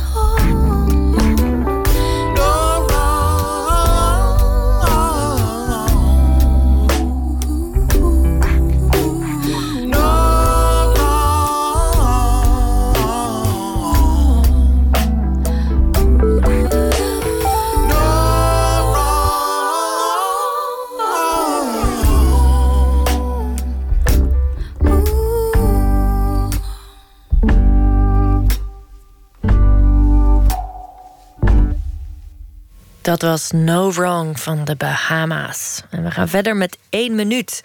Een serie vol wonderlijke verhalen in 60 seconden. De bijdrage van vandaag heet Superleuk. In ben helemaal niet van bekende mensen. Het boeit mij helemaal niet. Ik zei, laat me zitten, ik ga wel hier party. Ik heb ook een tijdje voor Stoy van Nelp gewerkt. En dan werd ik ook de hele tijd op de gastlijst gezet en zo. Dan kom je ze gewoon tegen, die jongens die voor hem moesten zijn en zo. En dan mensen, die vinden je zo interessant. Op een gegeven moment, ik voel me ook, ik stond op een gegeven moment... dat slaat toch helemaal nergens op met hem te praten, te lachen en te doen. Komen er allemaal mensen, oh, ken je hem? Doe normaal. Ja, ja, daarom, hoef ik toch helemaal niet speciale... dan ga ik nog liever met een vriendin praten... dan met iemand die ik helemaal niet ken. En ja, wat heb je tegen iemand te vertellen? Niet? Is het wel leuk wat u doet? Het zou heel anders zijn voor mij als het een hot modeontwerper was. Dat vind ik dus wel, omdat ik het werk leuk vind. En niet de persoon, snap je? Jammer, het is een tijdje geleden, maar Israël is niks. Dat is een hele goede vriend van mijn moeder. Het is jammer dat hij dood is. Maar anders dat ik, uh, het is zo'n toffe gast. Echt een van de liefste gasten die ik ken. Ja, maar dat is leuk. Als je daar bijvoorbeeld mee, uh, ja, dat is super leuk. Bijvoorbeeld, toen ik, uh, toen niet bijvoorbeeld, toen ik kwam ik Jaklu, Jaklu Neslucht tegen. Super top mens. Ze is heel leuk, charmant ook. Ging ik met haar praten. En dat is een superleuk mens. U hoorde 1 minuut, gemaakt door Jair Stijn. De afgelopen jaren werkte fotograaf Johanna Kessler aan een boek over boekenliefde. Wat beweegt boekenverzamelaars om anno 2018 hun persoonlijke bibliotheek te koesteren of zelfs uit te breiden? Ze bezocht tientallen lezers in Nederland en België, fotografeerde ze voor hun boekenkast en tekende hun verhalen op. En het boek is nu klaar en heeft als titel We Love Books. Goedenacht, Johanna Kessler. Goedenavond, hallo, hoi. Hi, we staan aan de vooravond van uh, nou ja, je debuut eigenlijk, hè? Dit is je eerste boek, toch? Dit is mijn eerste boek, dat klopt, ja. Ja, je, en hopelijk ook niet mijn laatste. Ben je zenuwachtig? Nou, wat zal ik zeggen? Uh, het is natuurlijk niet uh, gebruikelijk om geïnterviewd te worden. Voor mij in ieder geval niet. En, uh, dus ik vind het natuurlijk vind ik het een beetje spannend. Maar wel heel leuk spannend. En ik ben heel blij met de aandacht die het boek krijgt. En natuurlijk daarmee ook de aandacht die het onderwerp krijgt. Ik zag dat je jezelf ook had gefotografeerd. Dat je erin stond met je boekencollectie. Klopt dat? Nee, dat klopt niet. Oh, dat heb ik dan Nee. verkeerd begrepen. Ah. Uh, want waar is deze zoektocht begonnen? Of deze fascinatie eigenlijk? Ja, nou, ik kan eigenlijk zeggen dat het in zekere zin bij toeval uh, begonnen is. Laat ik vooropstellen dat ik opgegroeid ben met boeken. Dat ik uit een, uh, uit een uh, decennium kwam en uit een milieu kom waar je met je verjaardag boeken kreeg. En met Sinterklaas, et cetera. En ik mijn eerste boekenkastje nog heel helder kan herinneren. Maar uh, ik, ben ook, ik hoor zelf tot de mensen die veel meer boeken kopen dan dat ze lezen. En nou ben ik nou, sinds een aantal jaar dus helemaal met de fotografie bezig. En kan ik ook heel veel fotoboeken kopen. En die hoef ik niet meer, althans die hoef ik maar gedeeltelijk te lezen en veel te kijken. Um, inmiddels zo'n 2,5 jaar geleden maakte ik een naaktportret van een vrouw met haar hond. En die, dat portret dat maakte ik toevallig voor haar immens grote boekenkast. En op dat moment uh, trok de aandacht eigenlijk net zo hard naar die boekenkast als naar deze uh, blote vrouw, die op zich al heel mooi was. En daar, toen viel er een kwartje. En toen viel er eigenlijk ook een kwartje dat ik dacht van... verdorie, ja, nu zijn boekenkasten nog heel normaal in de meeste gezinnen... of in uh, de meeste huishoudens. In ieder geval in een aantal generaties nog. Maar hoe lang duurt dat nog? En wat zegt dat eigenlijk over deze persoon die daar voor deze boekenkast staat? En nou, toen dacht ik van... ik wilde langere tijd aan een project werken... en ik hou ervan om aan zaken te werken die ook een zeker maatschappelijk belang hebben... of een uh, cultureel belang hebben. Dus toen heb ik besloten om uh, daarmee verder te gaan. En toen is het balletje gaan rollen. En aanvankelijk had ik een werkwijze dat ik um, van persoon... Nou, de persoon A vroeg ik van breng mij in contact met persoon B... die jij kent, die ook met boeken bezig is. De, de bibliofielen onder elkaar. Nou, nog niet eens. Want ik, ik begon eigenlijk aanvankelijk bij mijn broer... die ook een, een boeken, een fotoboekengek is. Die bracht mij in contact met een dichter. Die bracht mij in contact met een uh, vertaalster. Die bracht mij weer in contact met een uh, boekenvormgever. Die bracht mij weer in contact met een binder. Ja, het is een heel bond gezelschap wat je hebt gefotografeerd. Maar de naakte vrouw met de hond, die staat er niet in. Of heb je er nogmaals gefotografeerd met de kleren aan? Nee, die staat er niet in. En ik vond dat eigenlijk ook niet uh, van belang. Um, het, het, was wel zo dat het wel grappig was dat ehm, eigenlijk de, de echte boekenliefhebber die... of nee, de mensen die die foto bekeken... eh, die verraden zich eigenlijk dat ze een boekenliefhebber waren... omdat ze hun hoofd meteen schuin gingen houden... en gingen kijken van, hé, hey, wat voor boeken staan daar in de boekenkast? He, dus, en er stond ook een hond in op die foto. Dus de, de hondenliefhebber die gingen naar uh, die hond kijken. Maar er waren dus ook heel veel mensen die naar de boeken in de boekenkast gingen kijken. Dus het was meer een aanleiding. Um, en, ik, en bovendien... Um, zij stelde het eigenlijk ook niet zo op prijs om haar foto, een naaktfoto van haar in, deze, in dit boek te. Nee, dat snap ik. Toon mij uw boekenkast en ik zeg wie u bent. In hoeverre klopt deze uitspraak nog? Je hebt je er nu in verdiept. Uh, kun jij nu zeggen, met een blik op de boekenkast, uh, wie er voor je staat? Uh, ja, in een aantal opzichten wel. Hoewel ik. Uh, nee, en ook weer niet. Ik denk nu onmiddellijk aan een van de jongere mensen die ik geportretteerd heb. Een jonge vrouw van rond de 30. Die in een, uh, toen ik bij haar binnenkwam, dacht ik van jeetje, wat een chaos. En um, wat moet dit worden? wat, wat, wat, wat is dit voor iemand? Um, en zij bleek een heel fijnzinnig stuk te, te hebben geschreven later. Waarin ze, vond ik, op een hele uh, doorgevrochte manier eigenlijk haar eigen ervaring wist te beschrijven. Wat het voor haar betekent om echt een fysiek tastbaar papieren boek... Uh, eigenlijk uh, helemaal bijna op te eten eigenlijk. En het te herlezen en te herlezen. En ik had toen ik dus in haar kamer of in haar woonruimte binnenkwam... niet gedacht... Uh, het was niet zo binnen, zo buiten, zeg maar. Ah. Dus zij was absoluut niet chaotisch, helemaal niet. En het mooie eraan is, uh, en ik was daar ook erg door verrast... was dat zij eigenlijk bloedserieus... Uh, nou ja, vertelde van... nee, ik, ik wil een boekhandel beginnen in Amsterdam. Hè, met haar eind 20, begin 30. En, en ik ben er eigenlijk van overtuigd dat ze dat, dat ze dat ook echt gaat doen. Dat klinkt een beetje als iets dat tegen de stroom in is. Um, is, dit, is dit boek ook een, uh, een lans voor, uh, om meer boeken te kopen? Of uh, misschien juist een tijdsbeeld te scheppen? Um, nou, zeker een tijdsbeeld scheppen. Hè, want dat, het is, niemand kan in de toekomst kijken. We weten niet hè, hoe het er over 10, 20 jaar voor staat natuurlijk, je moet een onderscheid maken tussen de, de, de, de gedegen literaire uitgevers. En het, dat zal altijd blijven bestaan. Maar hoe, um, nou ja, zeg maar de gewone man, in welke mate die blijft lezen en boeken blijft kopen, dat weten, weten we niet. En nee. in die zin is het zeker een tijdsbeeld. En vind ik het ook een hele spannende tijd. Van wat gaat er gebeuren? Is, hè, zijn de foto's over 30, 40 jaar... Uh, wordt er dan wat meewarig geglimlacht van... oh ja, die goede oude tijd, toen er nog boekenkasten bestonden, of niet? En is het een land... Uh, nou, wat mij trof, dat door alle leeftijdsgroepen heen...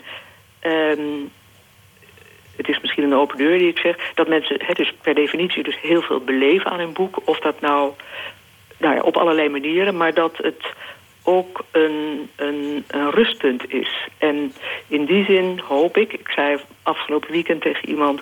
die het boek aan zijn uh, nichtje van, weet ik het, 16, 17, 18 wilde geven... En die daarover twijfelde. Zo van, ja, maar ze leest niet en het, interesseert haar allemaal niet. Ik zeg van, geef het nou alsjeblieft.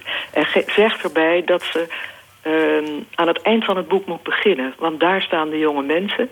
En daar kan ze zich misschien wel een uh, heel klein beetje mee gaan mee vereenzelvigen. Zo van, oh, er, er dat, is nog een hele wereld. Dat is een heel mooi streven. Uh, Dank je wel voor je toelichting, Johanna ja. Kessler. Het boek okay. heet We Love Books en het is binnenkort verkrijgbaar. Het is nu verkrijgbaar. Ah, nog veel beter zelfs. Oké. Okay. Dank je wel. Hartelijk dank, dag. Leeuwarden mag dan wel culturele hoofdstad van Europa zijn momenteel. Maar heel Friesland brengt mooie dingen voort. Uit die provincie komt ook Katie Cross. Katie Kos, van wie we dit nummer laten horen. Cowboy.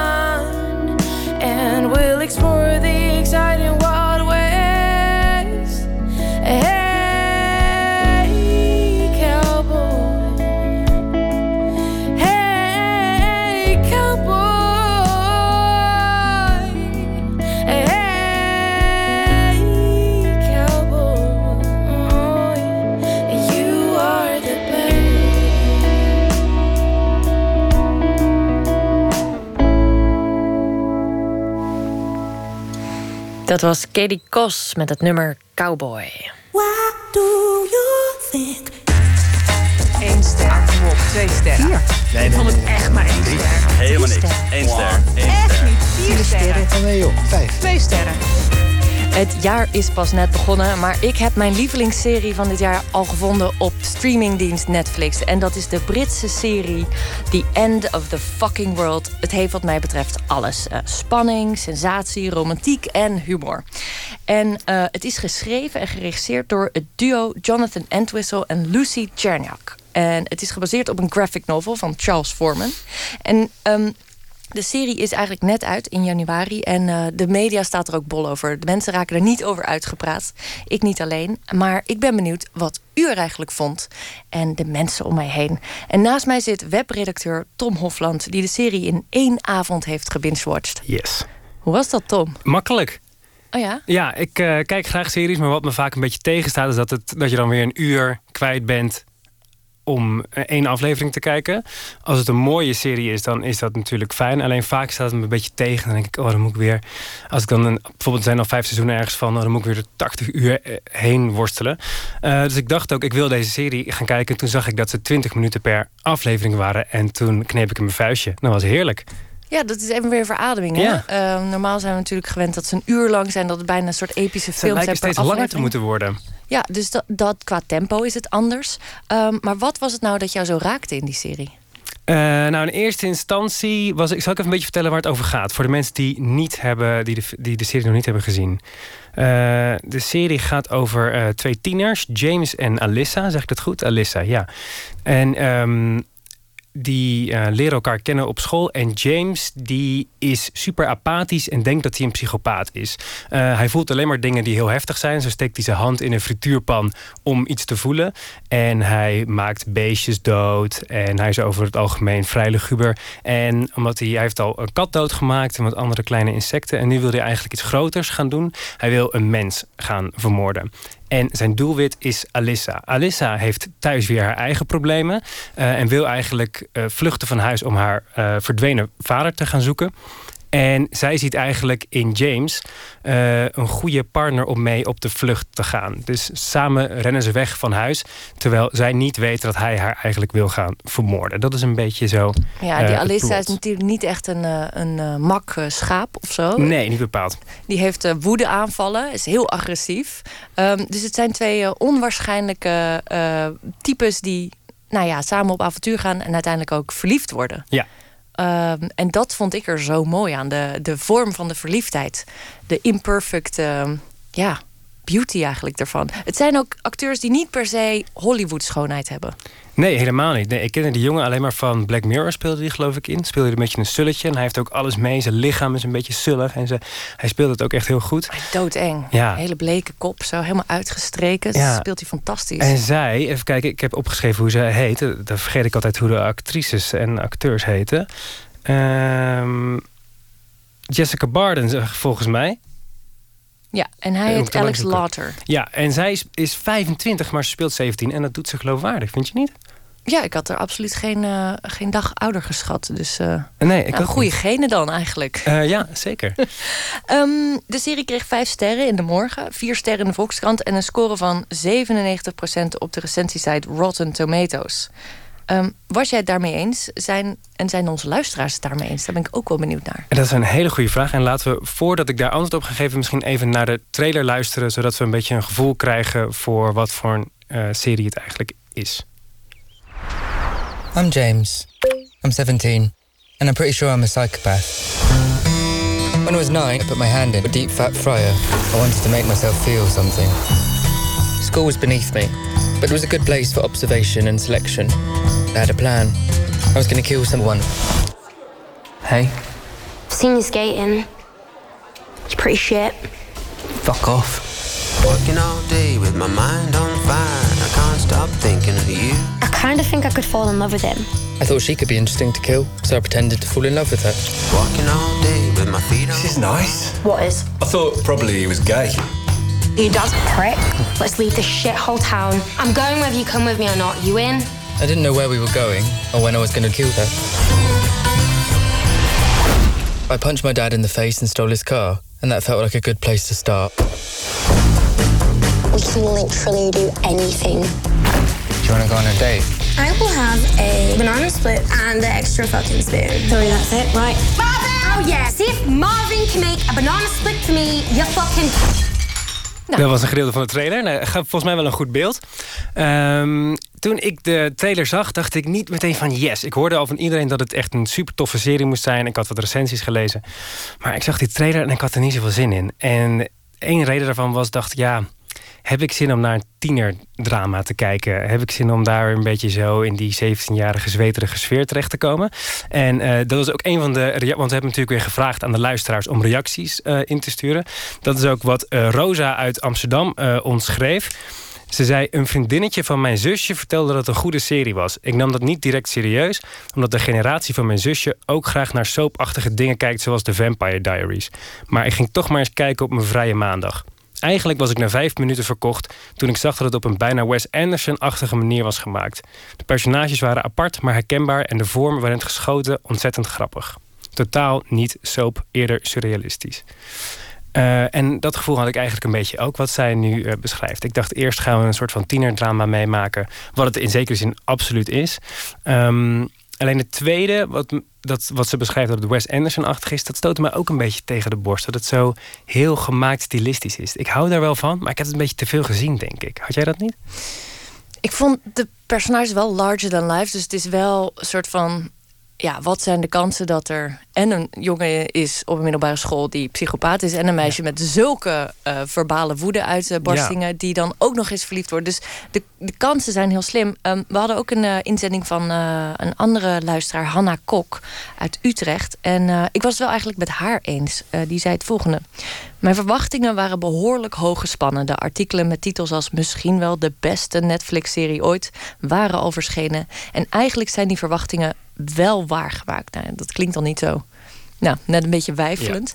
En dan gaat ze door en zegt ze... aan het begin vroeg ik me wel af of het geloofwaardig zou blijven... omdat de personages vrij extreem zijn. Maar al snel werden de personages meer genuanceerd. Die ontwikkeling vond ik het mooist. Maakte het oprecht en ontroerend. Dus dat vond ik wel ja, het is nergens raakt de serie mij kwijt. Het zijn ook de bijpersonages die voor mij uiteindelijk eh, ehm, eh, ja, de confetti op het feest zijn. Die zijn allemaal rond, allemaal gelaagd en ook heel absurd en daardoor grappig. Ja, dat had ik ook. Ik had in het begin een beetje dat alles, precies wat jij zei, van hoe groot is die kans dat die twee mensen elkaar tegenkomen. En zo is het met meer personages. Bijna iedereen is een sexual predator of een moordenaar in die eh, eh, serie. Het allemaal hing een beetje aan toevalligheden aan elkaar, maar toch werd ik, werden, naarmate de serie ging, vooruit ging, werden de personages rond en leefde ik echt zo erg mee met die twee pubers dat ik echt door wilde blijven kijken. Ik wil nog één ding horen. ehm, namelijk wat we nog niet hebben genoemd is eh, de muziek. Dus ik zou een minuutje van de muziek willen horen. Want die vond ik ook super goed. Ja, zeker. Ehm, een liedje, Laughing on the Outside van Bernadette Carroll. Een liedje uit The End of the Fucking World.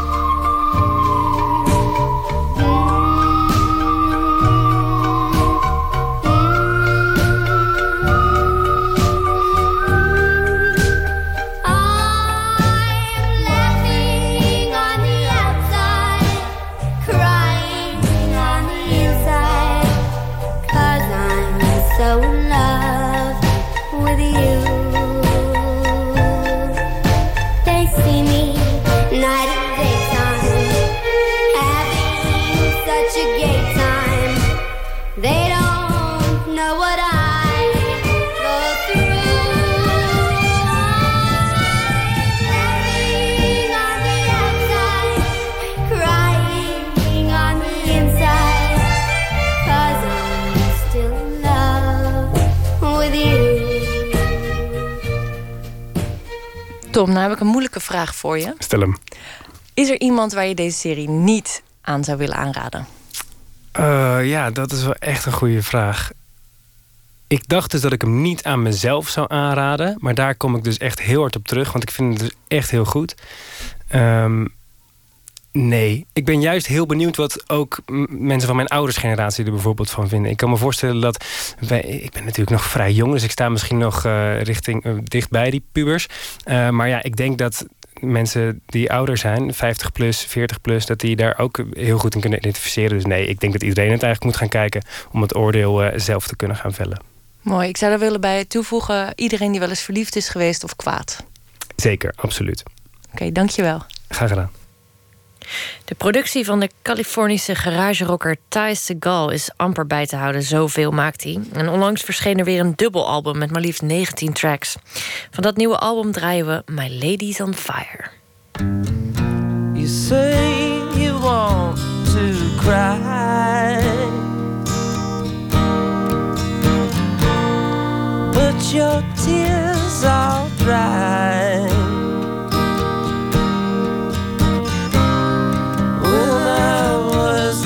way. There's nothing left to say.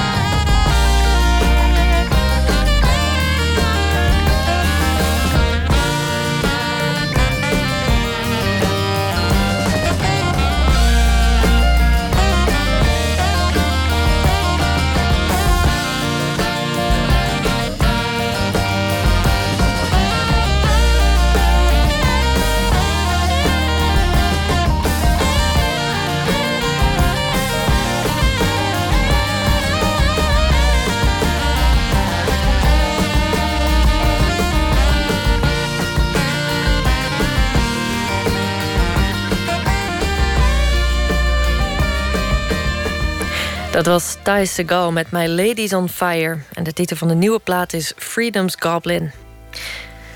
Morgen ontvangt Hanneke Groenteman hier beeldend kunstenaar Joost Konijn. Hij werd bekend met zijn film over zijn zelfgebouwde houten auto uit 2002.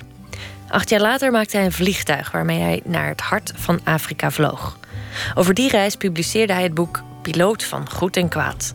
Voor zijn nieuwe videowerk Good Evening to the People Living in the Camp, die in Museum Boymans van Beuning in Rotterdam wordt vertoond, filmde hij de kampen in de Europese grensgebieden.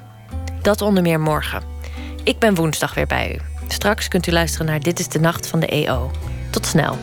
Tot nooit meer slapen.